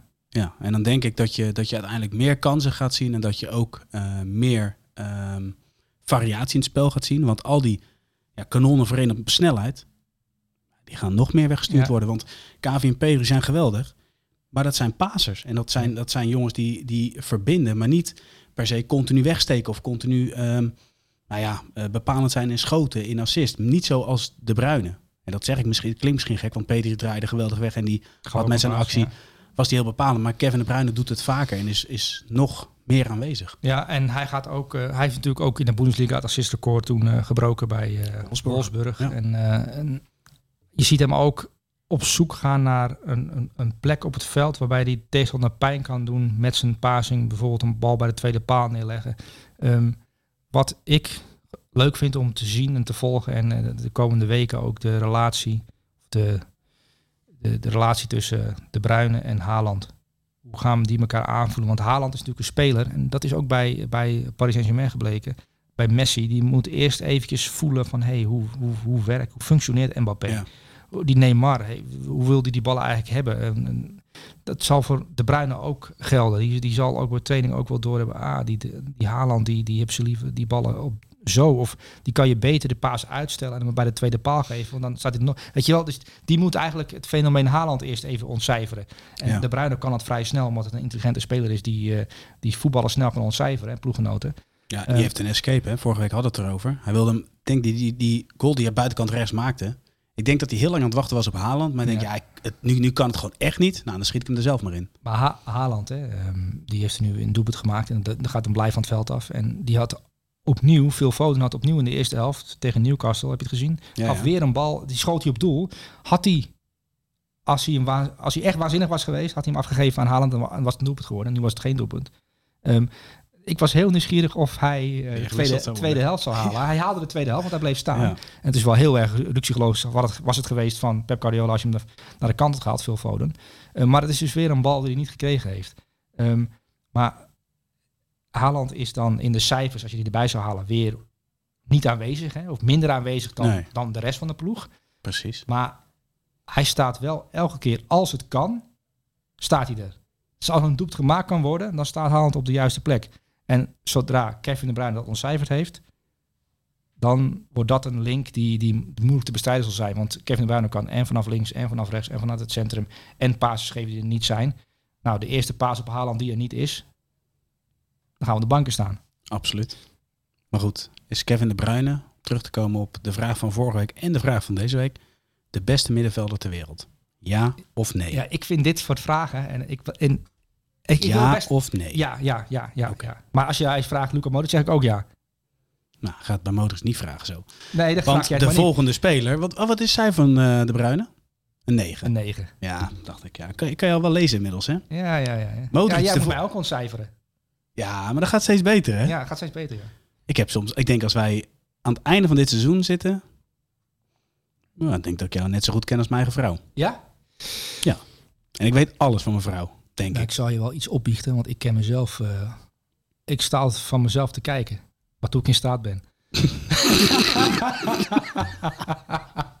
Jezus. Wat een niveau, jongen.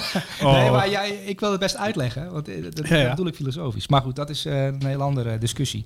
Eh, dat is een hele andere podcast ook. Ehm, maar het is toch prettig dat je de trap oploopt en, en eh, gaat slapen en denkt, goh, eh, dat, ben- dat ben ik toch geweldig. Dat heb ik een beetje van Cristiano Ronaldo overgenomen. Dat, dat maakt je leven een stuk prettiger. Ja, Ja. dat is al die Dat tweede je de deur open slaat, denk ik, gewoon mooie dag. Daar Ja. ben ik weer. Maar als jij zo in het leven staat, dan, dan ben jij zwaar teleurgesteld over het feit dat we vorige week slechts twee, als tweede binnenkwamen in de hitlijsten van de Nederlandse podcast.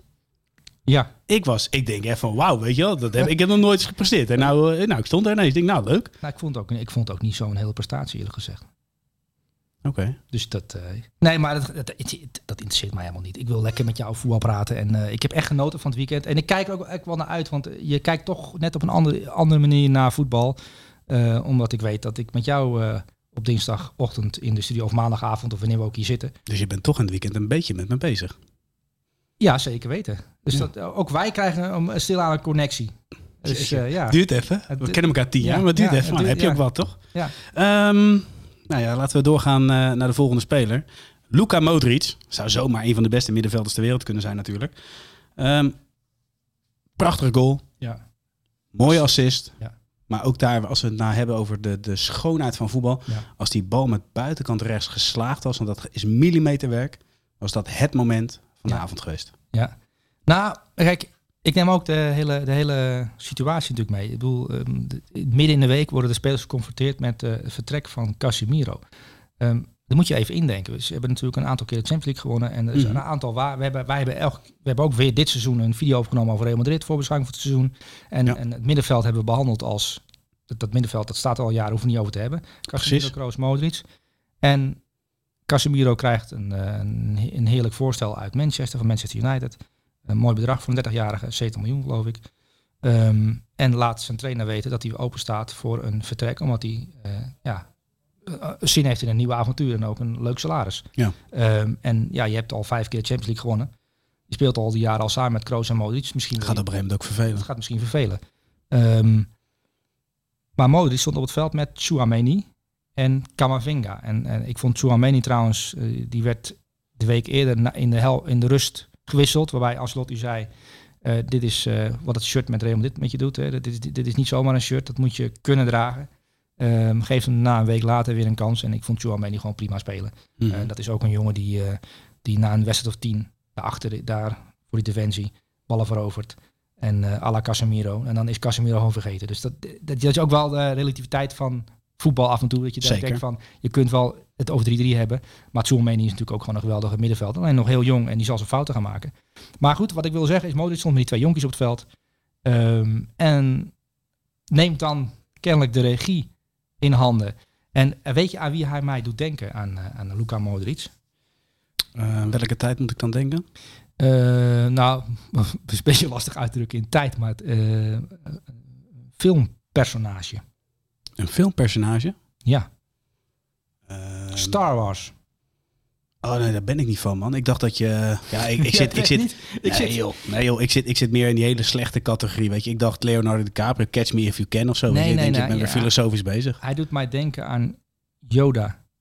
Oh ja, dat ken ik wel. Ja, ja. Dat is dat wezentje. Ja, ja, ja. ja, dat, ja. dat wezentje, dat is de Jedi ma- Master. Oh, nou, maar sorry. die is 900 jaar oud en, en superwijs en heeft allerlei uitspraken. En, en echte Star Wars fans kunnen die uitspraken allemaal eh, citeren. Eh, ik ben geen echte Star Wars fan, maar ik, ben wel, ik ken wel iemand die echt een Star Wars fan is. En eh, dus ik heb ook alle films gezien, honderd keer. Ehm, en ik ben wel een beetje fan van Yoda. Maar Luca Modric doet me denken aan een Jedi Master. En ik heb het idee dat Luca Modric alles wat in het voetbal gebeurd is, al een keer heeft beleefd. Dat Luca Modric is 180 of 300 jaar oud. En die weet in elke situatie wat hij moet doen. Op de een of andere manier. Ehm, en hoe, naarmate die ouder wordt. Ik weet niet hoe, hoe jij dat naar zit te kijken. Maar eh, het lijkt wel alsof hij met de week beter wordt. Dat ik denk van gewoon, maar eh, ja, eh, hij heeft een afgelopen jaar een geweldig jaar gehad. En in de Champions League een paar geweldige momenten. En jij noemde al die paas net op. Mhm. Richting Rodrigo natuurlijk. Ja. Eh, Zo'n zo'n- zo'n paas voor de eeuwigheid. Ehm, maar nu bij Real Madrid, wat Casemiro kwijt is, met Chouameni en Camavinga in zo'n wedstrijd dan weer opstaan en verantwoordelijkheid nemen. Ja, dat vind ik toch wel mooi om te zien. En dat, die fitheid op die leeftijd ook nog. Dat is, dat is niet zomaar, Waanzinnig, dat ja. doe je niet zomaar, hè? Om, om, om, om relevant te blijven op die leeftijd, op, op het middenveld Ja. eh, van Real Madrid. Ehm, ja, je wilt afronden? Of, eh? Nee, nee, helemaal niet. Oh, je Normaal zit gesproken, kijk, ik probeer... Ja, nou eigenlijk wel. Want ik, ik probeer altijd in jouw tempo mee te gaan natuurlijk. Dus ik moet, ik moet soms... ja, moet ik dan mee in dat tempo. Maar ik, ik ben nu even... Ik ben een paar kwijt. stappen terug en ik, ik ben blijven hangen. Maar jij zegt dat... Dan zou het toch eerder Mr. Miyagi zijn? Van de Karate Kid? Kraanvogel-expert zo? Nee, ik denk dat mensen die luisteren en echte Star Wars fans en, en die, begrijpen die, dat. Die, die begrijpen wat ik bedoel met ehm, met eh, met Yoda. Oké. Yoda. Zeg je het eigenlijk wel goed? Ja, dat weet ik niet. Maar kijk, Luka Modric, die kan je dus 24 uur per dag, op welke locatie ook staat of waar hij ook is, aanspelen. Ja, daarmee Ben je dan de beste middenvelder ter wereld? Na Kevin de Bruyne ben je dan de beste middenvelder ter wereld. Ja. En dan nummer drie, Frenkie. ja, wat, eh, een beetje hè? Ja, nee, maar- Hollands trots. Um, Frenkie de Jong, ehm, kijk, ehm, die heeft, die is nu op een periode eh, eh, gekomen in zijn carrière dat hij wel moet kiezen voor zijn eigen kwaliteiten en ook moet beseffen dat wat hij nu aan het doen is, is aanmodderen en zijn talent vergooien. Ik vind dat hij eh, is geen vervanger van Busquets. Als je daar een kans krijgt, dan moet je tegen de trainer zeggen: ik ben geen Busquets. Je zet direct een ander neer, maar dat ga ik me niet doen. Daar heb ik geen trek in. Want ja, ik vind dat dat Frenkie de Jong eh, bij Barcelona tegen Sociedad de eerste helft speelt. Ja, dat vind ik niet kunnen met iemand van die kwaliteiten. Dat je, dat je als echt ehm, eigenlijk geen idee hebt waar hij aan het lopen is. Wat, eh, Ja, maar ligt het dan aan Frenkie de Jong of ligt het dan aan Xavi? Want we Nou, hadden dat, het net over Jesus. Ik heb het idee dat, dat Frenkie is op dit moment gekooid in Kamp Nou. ja, ja, nou, gekooid in kamp. Nou, dat klinkt een beetje zo eh, gekunsteld. Maar eh, Vond je die mooi? Jawel, het is het gekunsteld is, kan Oh, mooi zijn, maar dat moet je van houden. Ehm, maar ja, kijk, je zet Busquets ook niet neer als links, link, link, linkshalf bij, bij Chelsea. Dan gaan mensen zich ook afvragen, oh, hij, hij, dat druk zetten, dat zit er bij hem echt niet in. Nee, nee, niet op die plek eh, op het veld. Eh, als je vraagt aan Busquets, doen Mason Mount na. Ja, dat is lastig. Ehm, En, en, en ja, je moet wel, Fabinho bijvoorbeeld, is een bepaald soort middenvelder. Er zijn mensen die vinden Fabinho de beste middenvelder ter wereld. En als je gaat denken vanuit wat Fabinho kan, dan zou dat ook wel kunnen kloppen. En daarom vind ik het soms wel lastig om te praten over de beste middenvelders ter wereld. Want ehm, Ja, je hebt het- verschillende types. Ja, je moet alle- eigenlijk per type kijken. Je moet eigenlijk per type kijken. En eh, Ja. ja. anders zou je nooit een controleur als beste middenvelder, beste middenvelder kunnen uitroepen. Want goals en assists gaan altijd voor tackles en eh, balveroveringen. En dus ja, dat is dan, dat, dat is dan wel lastig. Ik ben het helemaal met je eens. Wat voor cijfer geef je aan eh Luka Modric? Want we zijn al een tijdje bezig. En we normaal gesproken ja, uur, een uur en een kwartier. Ik denk niet dat we dat gaan halen, Sully. Oh, we moeten wel, wel wat sneller er doorheen dan. Eh, voor eh Modric een 10. Modric een 10, terecht. Ehm, de laatste middenvelder. Eberechi Eze eh, van Crystal Palace. Ja. Zone van Aston Villa. Drie, Is Eze een dribbelmonster, zoals jij in het verleden wel eens mensen getypeerd hebt? Um, dribbelmonster. Hij dribbelt Ons- heel veel en hij heeft, het maakt hem ook totaal niet uit waar hij staat, maar hij zet gewoon een dribbel in. Ontsnappingskunstenaar is hij. Iemand die op een plek op het veld de uitgang weet te vinden. Dus, en dat is dan vaak met een dribbel, eh, met snelheid. ehm, met be- in beweging zijn, weg, goed weg kunnen draaien. Ehm, hij speelt ook bij Crystal Palace. eh daar is Patrick Vieira trainer. En Crystal Palace, de synoniem is Wilfried Zaha. Mhm. Eh, Zaha aan de bal, dribbel, doelpunt of geen doelpunt. En als Zaha een slecht wedstrijd heeft gespeeld, heeft Crystal Palace een slecht wedstrijd gespeeld. Dat was onder Roy Hodgson vaak zo. Hè? Ja. Ehm, en eh, anderhalf jaar geleden ongeveer kwam Eberechi Eze bij Crystal Palace door. Ehm, en die eerste paar wedstrijden die hij speelde, dacht ik, oké, dat is wel een, die heeft een, heeft een bijzondere connectie met Wilfried Zaha. Maakt Zaha beter. Ja. Ehm, omdat hij ja, spelers bindt. Absoluut. Ehm, maar is heel zwaar geblesseerd geraakt. En dat vond ik echt jammer afgelopen seizoen. Ik vond bijvoorbeeld eh, de blessure van, eh, van eh, Florian Wiertz bij Bayer Leverkusen, die echt Ja. een absurd seizoen bezig was, de kruisband gescheurd. Oh, ineens is Florian Wiertz bestaat niet meer. Maar dat was gewoon op dat moment de meest creatieve en de beste aanvallende middenvelder van, Zeker van, ja. van de Bundesliga. En een van de beste aanvallende middenvelders van Europa. Alleen ja, die valt dan een, bijna een jaar weg. Ehm, deze Eze was ook op weg om een fenomeen te worden bij Crystal Palace. Alleen scheurt dan op de training zijn Achillespees af en heeft een jaar niet kunnen voetballen. Hele pijnlijke blessure. Ja, dat is een van de zwaarste blessures eh, die, die je kunt indenken. En eh, ja, dan is dan, er zijn toch een aantal mensen die denken, goh, dat is einde carrière. Ehm, maar wat hij nu ehm, laat zien, ook tegen Aston Villa weer, ehm, is toch wel een bijzondere speler. En hij speelt nu op, op, eh, op 10 eigenlijk. En het is een kruising tussen een linksbuiten en een aanvallende middenvelder. En dat is het, wat hem bijzonder maakt. Want je kunt, hem, je kunt hem één tegen één laten spelen aan de buitenkant. En dan komt die mannetje voorbij en dan gebeurt er wat. Man meer situatie en dan een eh, assist of een doelpunt.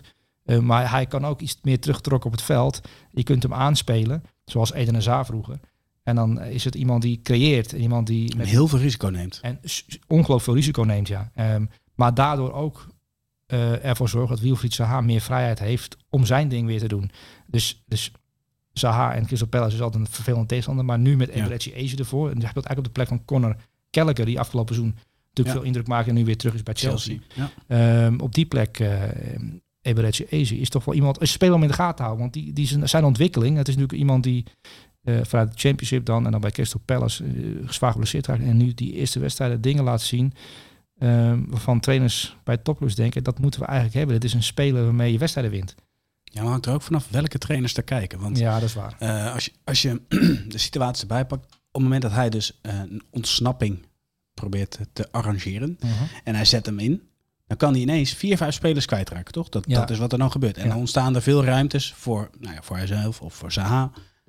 Als het fout gaat, en er waren ook twee momenten, dan ben je de bal kwijt rondom je eigen 16. Ja. En dan zullen de trainers zeggen, of zijn, ja, die worden wit heet. Ja, ehm, de, dus hoe hoger hij komt te spelen, hoe minder fouten hij mag maken. Dat geldt ook voor Luka Modric eh, Ja. bij Real Madrid. Ik bedoel, dat vinden allemaal zo'n geweldige middenvelder, omdat hij, net als Yoda, altijd overal het antwoord op heeft. Op elk moment. Dat je denkt van, Ja. eh, we, we, we willen wijsheid, dan moet je bij Yoda zijn. Ja. In dit geval van willen gewoon eh, ontsnappen op het middenveld, Modric aanspelen of bij Eberechi Eze. Ehm, maar dit is wel echt een interessant talent. Eh, om, dit seizoen in de, je hebt altijd in de Premier League een aantal spelers die natuurlijk eh, doorbreken en die dan eh, heel veel geld waard worden en, en, en, en, heel- echt heel veel geld waard worden. En dit is zo'n speler, afhankelijk van welke trainer er kijkt, die veel geld waard kan gaan worden. Weet je waar ik naar naar ben? Als Nee. hij straks tegen ploegen speelt die enorm hoog druk gaan zetten.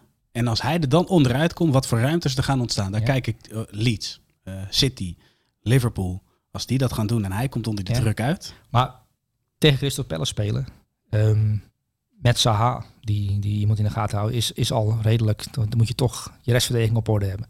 Ja. Ehm, nu, je hebt nog wel meer spelers bij Crystal Palace trouwens, hoor, maar, eh, ehm, maar met, met Eze erbij. Ja, dan zou er altijd momenten in de wedstrijd zijn dat jij als ploeg aan groep druk zet. Mhm. Maar je, je, niet elke paas komt aan. Dus je, als jij dan de, de bal niet hebt, ja, dan is het richting Average Eze. Die draait, eh, die draait zich om en, en, en- dan is het eh, Formule 1 start. En weg. Mooi om te zien. Ja, en dan, dan, dan, is, het, dan is het niet te stoppen. Het is echt een, een speler, maar hij durft ook gewoon op elke plek dat te doen. Hè, wat, je, wat we net beschreven. Want het, in, ik kan me herinneren, eh, het weekend hiervoor viel, hij- viel hij me ook al op. Op dat Ja. moment dat hij op, op eigen helft een mannetje omspeelt en weg is. En ook nog de rust en kwaliteit heeft en de snelheid om, om, om, om ploeg, ploegnoten te vinden. Wij kunnen er in ieder geval van genieten. Wat voor Ja. cijfer krijgt hij voor zijn optreden van afgelopen weekend? Een 9. Een 9. Oké, gaan we naar de aanval. En dan zien we Saint-Maximin. Ja. Die maakte wel indruk, hè? Tegen Wat vond ik de beste speler van het afgelopen weekend? de allerbeste. Ehm, ja, die was zo goed dat, eh, dat zelfs zijn eigen eh, zich afvroegen wat er met hem aan de hand was. En ook in het stadion, die zag ook wel een beetje eh, de paniek bij de City-verdedigers. Ook bij Guardiola. Wat moet je zeggen in de rust tegen, tegen de jongens achterin? Ja, niet, laat hem niet aan de bal komen. Ja, ja je, eh, probeer hem af te stoppen. Ja, hoe doe je dat? Ja, het- dit is, we hebben het over dribbelmonsters. Maar dit is wel een van de beste dribbelmonsters ter wereld. Hè. Dat is natuurlijk... eh, eh, dat blijkt wel uit de statistiek. Als je het aantal uh, aan, dribbels wat iemand aangaat, dan staat hij geloof ik bovenaan. Al, al Ja. een aantal, aantal, aantal maanden. En dan zeker al twee jaar misschien wel. Ehm, en de fout die je kan maken is nu na twee, drie goede wedstrijden om te zeggen van welke topclub zou je hem graag willen zien schitteren. En die vraag heeft hij al een aantal keer gekregen, zag ik in de afgelopen weken. Uh, nu ook afgelopen uh, weekend ook weer natuurlijk naar City. Als jij heel Ja. City helemaal kapot kan, uh, kan spelen in je eentje, want dat deed hij eigenlijk. Um, ja, speelt hij dan niet bij in de verkeerde club. Maar hij is iemand die, die vertrouwen nodig heeft, vrijheid nodig heeft. En kennelijk is Eddie Howe een trainer die hem weet te raken, die hem ook fijn doet voelen. Ja. En die zegt, oké, okay, jij bent een dribbelfenomeen. Ik wil één ding van jou. Als je die bal krijgt, ga je lekker dribbelen. Zeker, en die en, vrijheid ga je niet overal krijgen, toch? te veel opdrachten meegeven. Um, bij balverlies moet natuurlijk zijn werk doen. Dat moet elke speler doen, anders kun je niet mee in de top. Um, dat pakt hij goed op. Um, en ja, op, op gebied van dribbelen, dat hoef je hem niet. Dat doel, daar, die moet wel vast in worden. Doel, je kan wel gaan dribbelen en elke maar bij hem lopen veel dribbels ook niet vast. Hè. Het is wel, je, moet, je moet echt, je moet echt uh, aan de bak als, uh, als rechtsback of rechter centrale verdediger of uh, als hele defensie, want daar loopt er ook gewoon met Ja. gemak vier voorbij. Um, ja, ik heb echt van hem genoten. En ik heb ook weer genoten van Bruno. Bruno, Bruno, Bruno, heb je het gehoord in de eerste helft? Ja, ja, ja, uh, zeker, zeker, zeker. Dat op een gegeven moment een bal verovert en dan uh, heel intens gaat juichen met, het, uh, met die supporters, weet je. Omdat hij, hij viert eigenlijk een tackle. Um, en dat vindt ze natuurlijk geweldig in Newcastle. Um, en daarnaast hebben we het ook al een aantal keer laten zien. Een geweldige speler. Echt in balbezit. Dat is echt een hele complete middenvelder. Um, maar dat, dat Newcastle heeft stiekem best een aardige ploeg. Hè? En, zonder dat ze daar heel veel geld aan uh, hebben uitgegeven. Sant Maxima zat er al. Maar Bruno Guimaraes is natuurlijk wel gekocht. Ja. Maar het is niet een speler die elke club zou kopen die uh, zoveel geld heeft. Nee, dat je vrije erbij. Ja. Ook lekker. Trippier natuurlijk. Dus ze hebben al in, in elke linie wel aardige spelers staan. Ze hebben ook veel geld uitgegeven aan, uh, aan Sven Botman. En die had wel een zware dag. Of middag. Hè, tegen City. Met Haaland. Ja, dat is, dan ben je wel alert. Ja, dan moet je wel uh, geconcentreerd spelen. En dat vond ik, ik vond het geconcentreerd overkomen. Ik, ja, dat, deze jongen, als je hem een jaar geeft bij Newcastle. En die, die kan gaan ademhalen tijdens de wedstrijd. Want het is nu nog echt op je tenen. En, en oh, het gaat heel snel allemaal. En, en moet ik vooruit, moet ik achteruit. En dat zag je ook wel bij Het is toch ook een perfecte uh, overgang als je dan zo kijkt. Ik bedoel, uh, Van Dijk zat bij. Zat hem hiervoor. Ja, ja. ja, het is een fantastische club om de komende twee, drie jaar... Um, in de vingers te krijgen hoe het eigenlijk nou werkt in de Premier League. Uh, bij een club met ambities en bij een club die op het gebied van resultaat in 2022 gewoon bij de beste vier clubs van Engeland hoort. Uh, Newcastle, dat, uh, dat maakt echt indruk. En zeker thuis, het thuisstadion met het publiek erachter. Dat is dan, St. James Park, mooi. Ja, St. James Park met 52.000 man. Als dan Bruno Camarais uit zijn dak gaat, ja, dat is wel... ja, ik, heb een, ik, heb echt, ik heb echt een goed weekend gehad, ook met, uh, met deze wedstrijd. en dan zeker met Sant Maximin, die vond ik echt fenomenaal. Als, als dit zijn niveau is, als hij elke week dit laat zien. Nou, het is wel lastig, want niet elke spe tegenstander speelt zoals City. Maar als dit zijn niveau is, ja, dan, dan, uh, dan moeten we de gouden bal binnenkort naar Newcastle gaan, uh, gaan brengen. ja. Hij vind je me overdrijven, doe het niet. Oh, nou, tikkie, tikkie. tikkie ja. maar goed, voordat hij de gouden bal krijgt. Met een gouden bal door het nachtleven van Newcastle. Zo. Dat is goed hoor. Nou, moet je, als je daar een camera bij hebt, dan heb je echt, dan heb je echt geweldig veel. Camera? Dan moeten die teamgenoten mee. Die zeggen, joh, ik ga mee als kruimeldief. ja? oh, jij denkt weer seksistisch, hè? Ik wil gewoon echt de, oh. de, de, de Ballon d'Or. Niet met Ah, een gouden bal door Newcastle, maar echt met een Ballon door Newcastle. En je zegt, uh, dan ga je op de schouders in elke club. En dan ben je om half vijf stom dronken, omdat je overal gratis bier hebt gekregen. Maar die gouden bal ben je ook kwijt, want die is dan, die is dan uh, gestolen. Maar je hebt wel een goede avond. maar goed, voordat hij de gouden bal wint, moet hij eerst een cijfer krijgen voor zijn uitverkiezing in de 11 van de week. En dat is een 10. Ja, voor zo'n voor zo'n prestatie. Ik bedoel, uh, uh, ik denk dat Pep Guardiola terug heb gekeken en, en, en, en voor de tweede keer dacht van, goh, wat doen we hier aan? Ja, niets. De, tegen nee. deze Sant Maximin doe je niets. Duidelijk. En dat is heerlijk. Voor Newcastle. En voor ons als kijkers natuurlijk. Absoluut. Echt genieten. Dus die, echt, is, die jongen is echt een fenomeen. Absoluut. Hey, ehm, we gaan door naar de spitspositie. En dan hebben we het over Neymar. Speelde echt een waanzinnige wedstrijd. Ja, ja. Het begon al ja, met die eerste acht seconden was natuurlijk al, al prachtig. Ehm, bij heel veel doelpunten betrokken. Ik zag een klik met Mbappé. Ik zag Ja. een klik met Messi. Het lijkt wel alsof het gewoon allemaal paais en vrees is in, eh, in Parijs. Nou, soms heb je wel eens ehm, ruzie nodig. Irritatie die, die, die onuitgesproken zijn. Ehm, met, met zulke ego's is het wel- de, de- af en toe moet het botsen. Dat je elkaar beter leert begrijpen en ook misschien... Heb je Eh, daar ervaring mee? Dat het de eerste keer goed moet knetteren en dat, dat het daarna weer helemaal goed Nou, is? ik vind ruzie soms wel eens lekker. Omdat je dan eh, een, een keer ziet hoe iemand echt denkt. Want eh, de, eh, ik heb daar persoonlijk niet zo heel veel last van dat ik, dat ik dingen voor me hou. Want het- ja, het- ik Mhm. dat, dat doe ik niet heel snel dat ik dingen voor me hou als ik me iets irriteer. Maar er zijn mensen die van nature wat ingetogener zijn en die hun irritaties voor zich houden. Ze denken, oh jee, stel je voor dat ik zeg dat ik iemand anders eh, tegen, tegen me in de harnas eh, jaag of zo.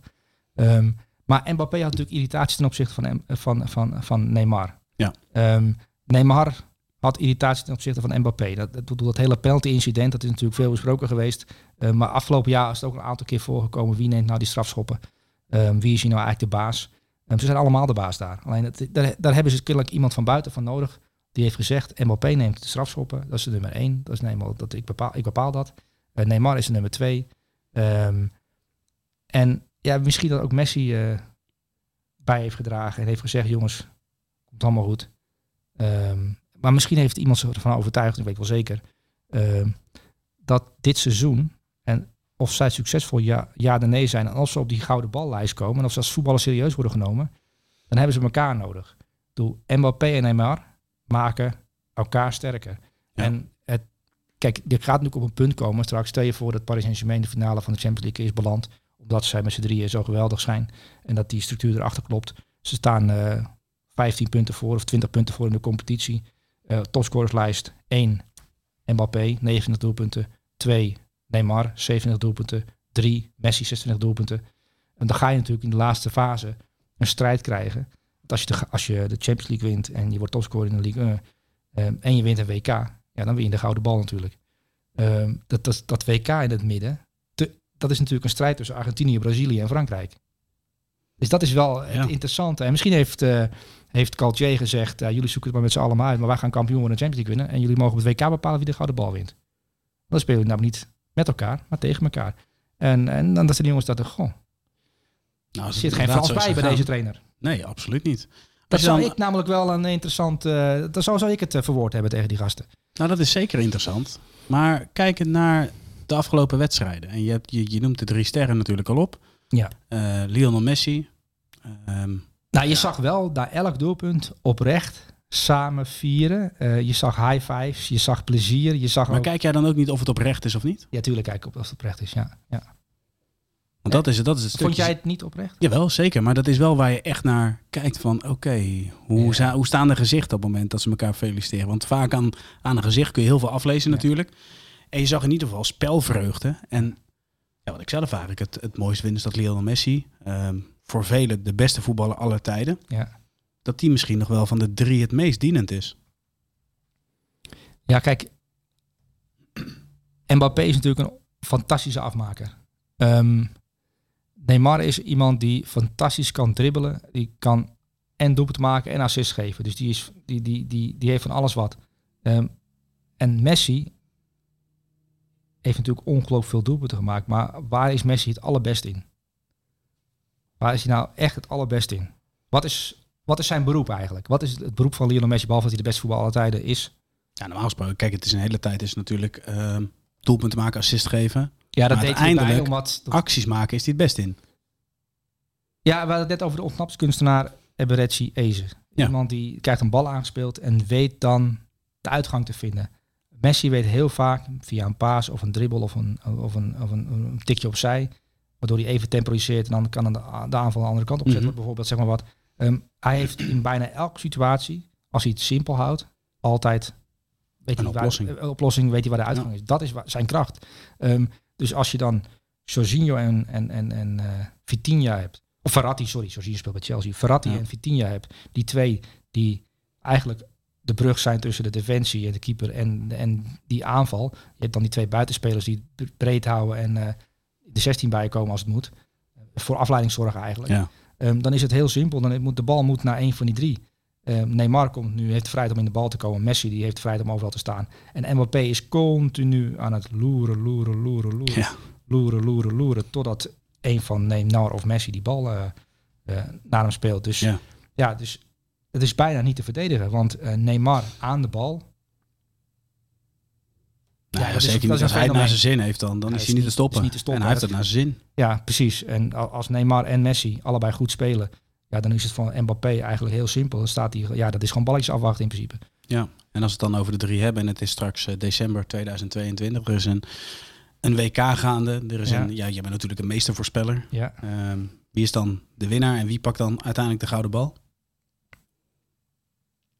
Ja, dat vind ik. Een, eh, ik denk dat het Brazilië en Argentinië gaat. Alleen. ehm, Maar je moet.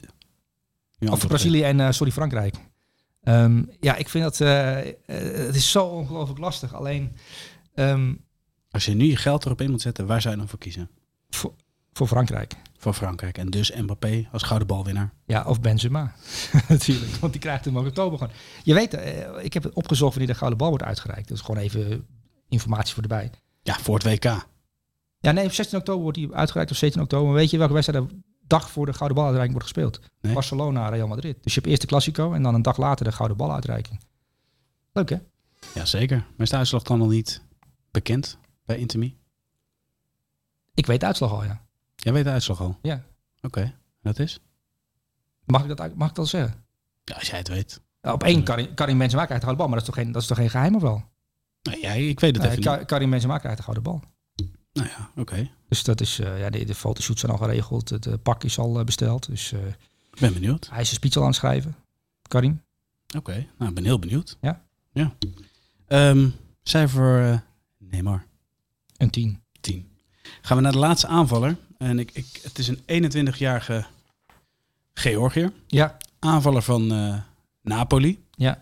Ehm, zijn bijnaam voor de uitzending hebben die met mij gedeeld. Tenminste, ik weet niet of, het, of de bijnaam van jou afkwam. Of dat hij, laat maar zeggen, in Napels al... eh, Zo. na- in Napels inmiddels wel ingeburgerd. Vandaar Ja. dat ik hem eh, zo noemde. nou, laat ik dan de bijnaam. Quaradonna.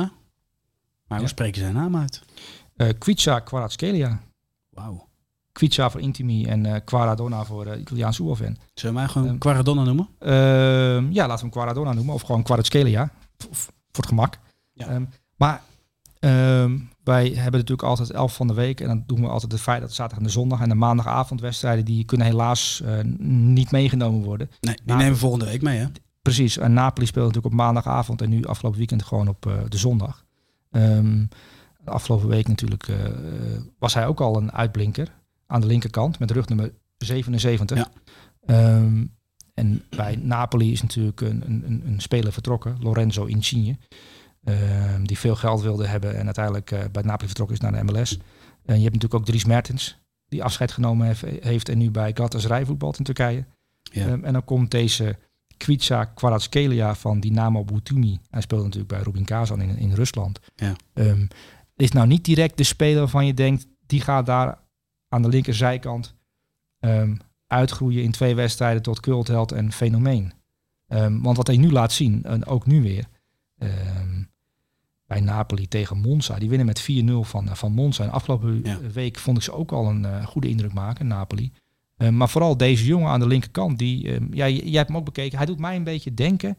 ehm, hij heeft ook met de kopbal gescoord al. Hij heeft met rechts gescoord, hij heeft met links gescoord. Maar bijvoorbeeld één goal dat hij, bij, dat hij op een korte kleine ruimte kapt en met links Ja. meeneemt en, en binnenschiet. En dan ook die andere goal was ook geweldig. Dat hij hem naar, binnen draait, à la Insigne eigenlijk. En dan de Mhm. verre hoek in, in draait. Ehm, maar ik zag ook in, in midden in de wedstrijd ineens een, een, krijgt hij een bal aangespeeld. En dan tikt hij hem heel snel met zijn rechterbeen opzij. Uh, op- weet je wel, dat je op het allerhoogste, de allerhoogste versnelling ook nog de rust hebt om te zien wat er om je heen gebeurt. En hey, dat doet me een beetje denken aan Mohamed Salah. Die in zijn, in zijn Roma-tijd toen, eh, dat natuurlijk ook al eh, had. Want het, Oké. die uitgroeit fenomeen. En eh, ja, ik ben wel heel nieuwsgierig naar de komende weken of dit zijn basisniveau is. Want als dit zijn basisniveau is, dan eh, wordt hij binnen een half jaar of een jaar weggeplukt bij Napoli. Want dit is wel echt fenomenaal wat hij, wat hij nu heeft laten zien in de eerste twee wedstrijden. Nou ja, absoluut ja. Ik vond zelf eh, van de afgelopen wedstrijd tegen Monza dan eh, die aanname en vervolgens die voorzet met buitenkant rechts die net niet aankomt bij Oshiman. Ja, de vrijheid echt oh, ja, maar die aanname is echt waanzinnig. Ja, ja dus, heel veel techniek, heel veel snelheid en ook nog heel veel lef. Ja. En in dat gecombineerd maar dat is ook onbevangenheid. En de vraag is altijd, houden ze dat vast of raak je het op een gegeven moment kwijt? Of dat, dat zijn best wel nou, belangrijke punten. Het punt is natuurlijk, hij was een onbekende speler. Is nummer 77 van Napoli, die, die, die heeft nu iedereen leren kennen ja. in de Serie A. Dus nu zal elke trainer zeggen van ja, er loopt bij Napoli de nummer 77, dubbele mandekking. Eh, die gaan we op een andere manier behandelen. We gaan kijken hoe de paaslijnen lopen. Alles wordt geanalyseerd.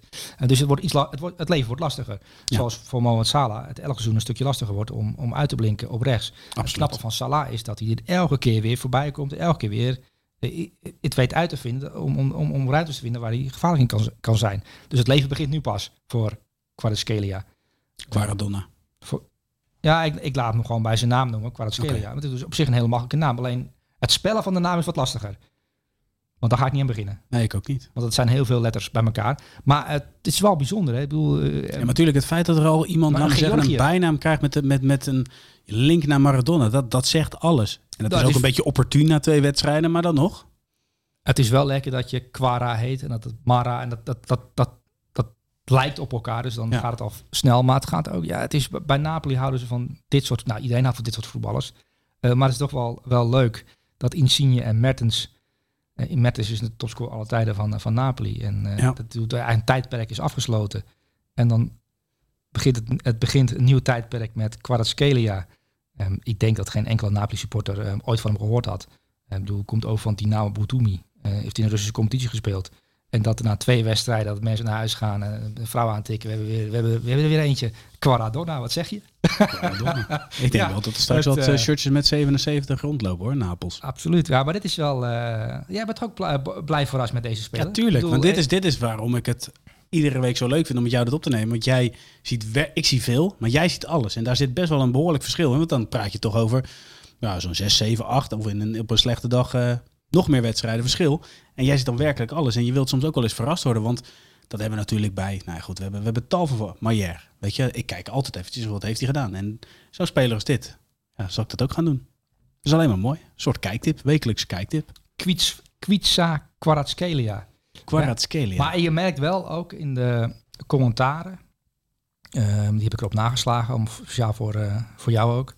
Um, om het mee te geven. Maar je ziet ook de, de verwondering en verbazing bij, uh, bij de Italiaanse journalisten die, die dingen intikken die je niet heel snel intikt. Of dingen zeggen die je niet heel snel, snel zegt over spelers. Mm -hmm. Worden als fenomeen en nieuwe dit en Maradona en Salah. Dat soort dingen allemaal, weet je wel. Dat je denkt van ja, dit is iemand die, die een bal aanneemt uit de lucht. En dat je denkt van oké, maar dit hoort een Georgiër niet te doen. Hoe ken jij een Georgiër die dit kan? Nee. We hebben natuurlijk uh, bij Vitesse achter een, een aanvoerder gehad, die, uh, die ook bij Duitsland ploeg nog steeds zit. Kasja. Uh, Guram Kasia. Maar die heeft nog nooit zo'n bal uit de lucht aangenomen. Nee. Ja. Het is nog niet zo dat je dat, dat, dat Eredivisieclubs massaal in Georgië aan scouten zijn, toch? voor voetballers. Nee, maar goed, als je deze jongen, als, laat ik het zo zeggen, als je hem voorbij had zien komen, dan had je wel kunnen kijken van, nou ja, een interessante speler. Nou, het is wel een jongen die natuurlijk door zijn manier, het, het is wel een, een het is stilistisch, is het mooi. Het ziet er sierlijk uit. Het is, het is, nou ja, weet je, hij is ook nog snel. Ja. Er wordt ook, daar hebben we het nog niet eens over gehad, maar hij is ook nog snel op de eerste meters. Ja, ik ben heel nieuwsgierig. Hij is heel snel weg, uh, laag zwaartepunt, dus het draait heel makkelijk weg. Iemand die makkelijk passeert. Ja, het is, en ook nog eens een oog voor een paas, dus lopende mensen. Absoluut. En dan heb je ook nog eens Victor Osimhen, wat echt geweldige spits is. Die ook nog moet laten zien dat hij geweldige spits is, want om gewoon een heel jaar lang veel doelpunten te maken. Um, dus dat, dat, dat, Kvaratskhelia en Osimhen, dat is wel een, uh, dat kan wel eens een droomduo worden. Absoluut. Alhoewel spelen ze daar natuurlijk wel met meer voetballers. Um, maar leuke speel om in de gaten houden. Absoluut. Is ook wel een, de, de, afgelopen maandag was ik wel verrast. Toen ik dacht van, oké, dat is wel, hij is wel een bijzondere voetballer. En dan ben je altijd benieuwd, een week later, of het nog steeds een bijzondere voetballer is. En ja, dat blijkt gewoon een bijzondere voetballer te zijn. En dus we gaan de komende weken kijken of uh, Kvaratskhelia echt zo goed is. Ja, nou gaan we ook zeker doen. Misschien kunnen we ook af en toe een keer op terugblikken. Nou ja, je, het is heel simpel. Op een gegeven moment kom je gewoon in het elftal te staan. Dat is waar. Ik bedoel, eh, ja, ik weet niet of er heel veel nieuwe luisteraars zijn, ik denk het niet. Maar eh, ehm, en ja, ik bedoel, het, het is wel eens gebeurd dat Haaland vier keer op rij in het elftal heeft gestaan natuurlijk. Klopt. En toch hadden we dan iedere keer weer een leuk verhaal. Tenminste, jij dan. Ja, ja Toch? ik, ik adviseer je, Star Wars, ga nou die eerste films kijken en, en de laatste films ook. En dan weet jij wie Yoda is en dan begrijp je ook iets meer van Luka Modric. Oké. Ga ik een moment... Ik moet er wel een moment voor, voor maken. Want we, Ja, kijk, ik, kan je zeggen, de films duren lang, dus eh, trek maar een heel weekend uit. Oké. Moet ik eerst thuis bij de baas eh, ja, overleggen? thuis bij de baas zeggen dat je Oeh. Star Wars gaat kijken. Nou, ik krijg te veel dingen. Ik krijg veel vrijheid. Maar ja, goed. We gaan het, Ja. we gaan het meemaken. Eh, de nieuwe Maradona. Wat voor cijfer? Een negen. Een 9. Hey, ehm, ja, we zijn bijna anderhalf uur al bezig. Dus we houden de trainer echt kort. Ik, ik had gekozen voor Jesse Marsh. En Mhm. dat is gewoon puur ja, de manier waarop ze druk zetten. Eh, ze staan er goed voor in de competitie. Het is verrassend. Het is leuk om naar te kijken. Eigenlijk gewoon meer voor, nou, voor, de, voor de start van het seizoen. Kan je daarin vinden? Ehm, ja, en zeker. Kan ik me zeker in vinden. En eh, Jesse Mars is natuurlijk eh, bij Leipzig mislukt. Daar snel ontslagen, hè, afgelopen seizoen. Ja. Met, on- met Brian Brobby nog, hè, die, die hem toen als trainer had in de beginmaanden. Ehm, en ik heb toen geweldige reportage gezien van eh, ARD, denk ik, die bij hem in zijn trainingskamer zat. En eh, de energie spat van die man af. Ook in het interview. Dat je denkt, echt Ja. een Amerikaan. eh, positief. Echt zo'n ehm, eh, mindfulness coach, weet je wel. Iemand die, die, die, die bezig is met energiebanen en zo. Dat, bij dat Ja. idee heb ik van bij hem. Je kunt ook heel vermoeiend overkomen. Hè? Er zit wel een Dat soort... is- je hebt je twee kanten je daarvan. moet er tegen kunnen. En ik dacht dat ze in Duitsland, werden ze er een beetje moe van. Ja, daar hebben ze niet zo op mensen die in volume praten. Oké. Denk je Ja, terug. ja, nee, ik weet het, Ja, je weet wie, op wie ik zien. Ja, ja, Ja. ja, ja. Maar, en, en, en, eh, maar in Engeland, bij Leeds, bij die, bij die club, echt een rauw, rauwe, ik ga bij geen een beetje Rauw. Engel- rauw, rauw Ja. Engels, eh, rauwe volks, volksklap. Ehm, Jesse Mars praat een beetje raar, hè? Ja. Ehm, maar die heeft dat toch erin gekregen, die, eh, die spirit bij, eh het favoriete woord voor Louis de Gaal trouwens.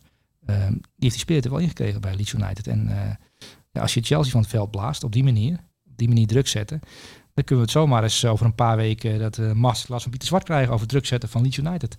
Aan de hand van Jesse Mars. Nou ja, kijk, en Pieter luistert alles bij ons. Dus op basis van als hij dit hoort, dan moet hij al eh, gelijk naar de tekentafel. Hè? Nou, hij is al bezig. Is hij al bezig? Hij is al bezig. Nou, Ik ben benieuwd. Nou, we gaan het meemaken. Eh Sully, dit is alweer de, de tweede aflevering van seizoen 1. Tenminste, seizoen 1 in de podcast. Tenminste, qua podcast dan. Eh, hoe kijk je erop terug? Zitten wij ook, laat maar zeggen, in, in de opwaartse lijn? Of? Eh, eh, eh, nou, we doen het best wel lang al. Hè. Ik weet, hoe lang nemen wij het elftal van de week al op? Poeh, ik denk al een jaar of twee, drie. Drie sowieso, toch? Ja, drie, vier jaar. Ja. Dus eh, ja, zit er een opwaartse lijn. Ja, dit is het beste van het beste. Bedoel, nergens anders ter wereld krijg je in een elftal de Europese topcompetitie besproken en heb je de uitblinkers te pakken.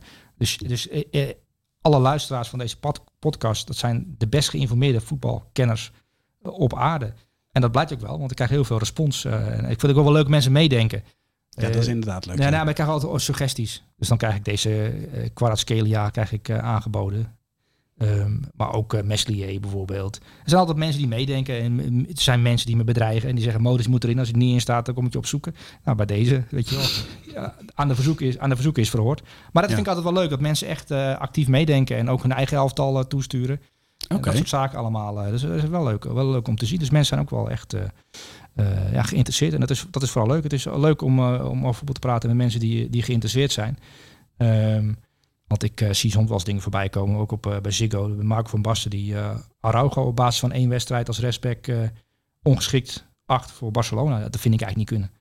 Op basis van één wedstrijd? Nee, maar goed. De beelden die ze dan laten zien. Maar goed, zo, kun je altijd te werk gaan. Hè? Je, je kan altijd beelden eruit pikken waarop je er niet goed uitkomt. Maar we kunnen ook Frenkie de Jong op basis van de wedstrijd tegen Real Sociedad wegzetten als een dramatisch voetballer. verklaren voor de keukenkampioen-divisie. Dus ja, dat is, vind ik te makkelijk. Ja. Maar goed. Oké. Nou ja, Soelie, volgende week uh, zijn we er. Ik kijk er nu al naar uit. Uh, nogmaals, uh, het is niet het, het mooiste uurtje van de week van mij geweest, maar de mooiste anderhalf uur van deze week. Dat gezegd hebbende, starten we de tune in en zien we elkaar en spreken elkaar volgende week weer. Yes.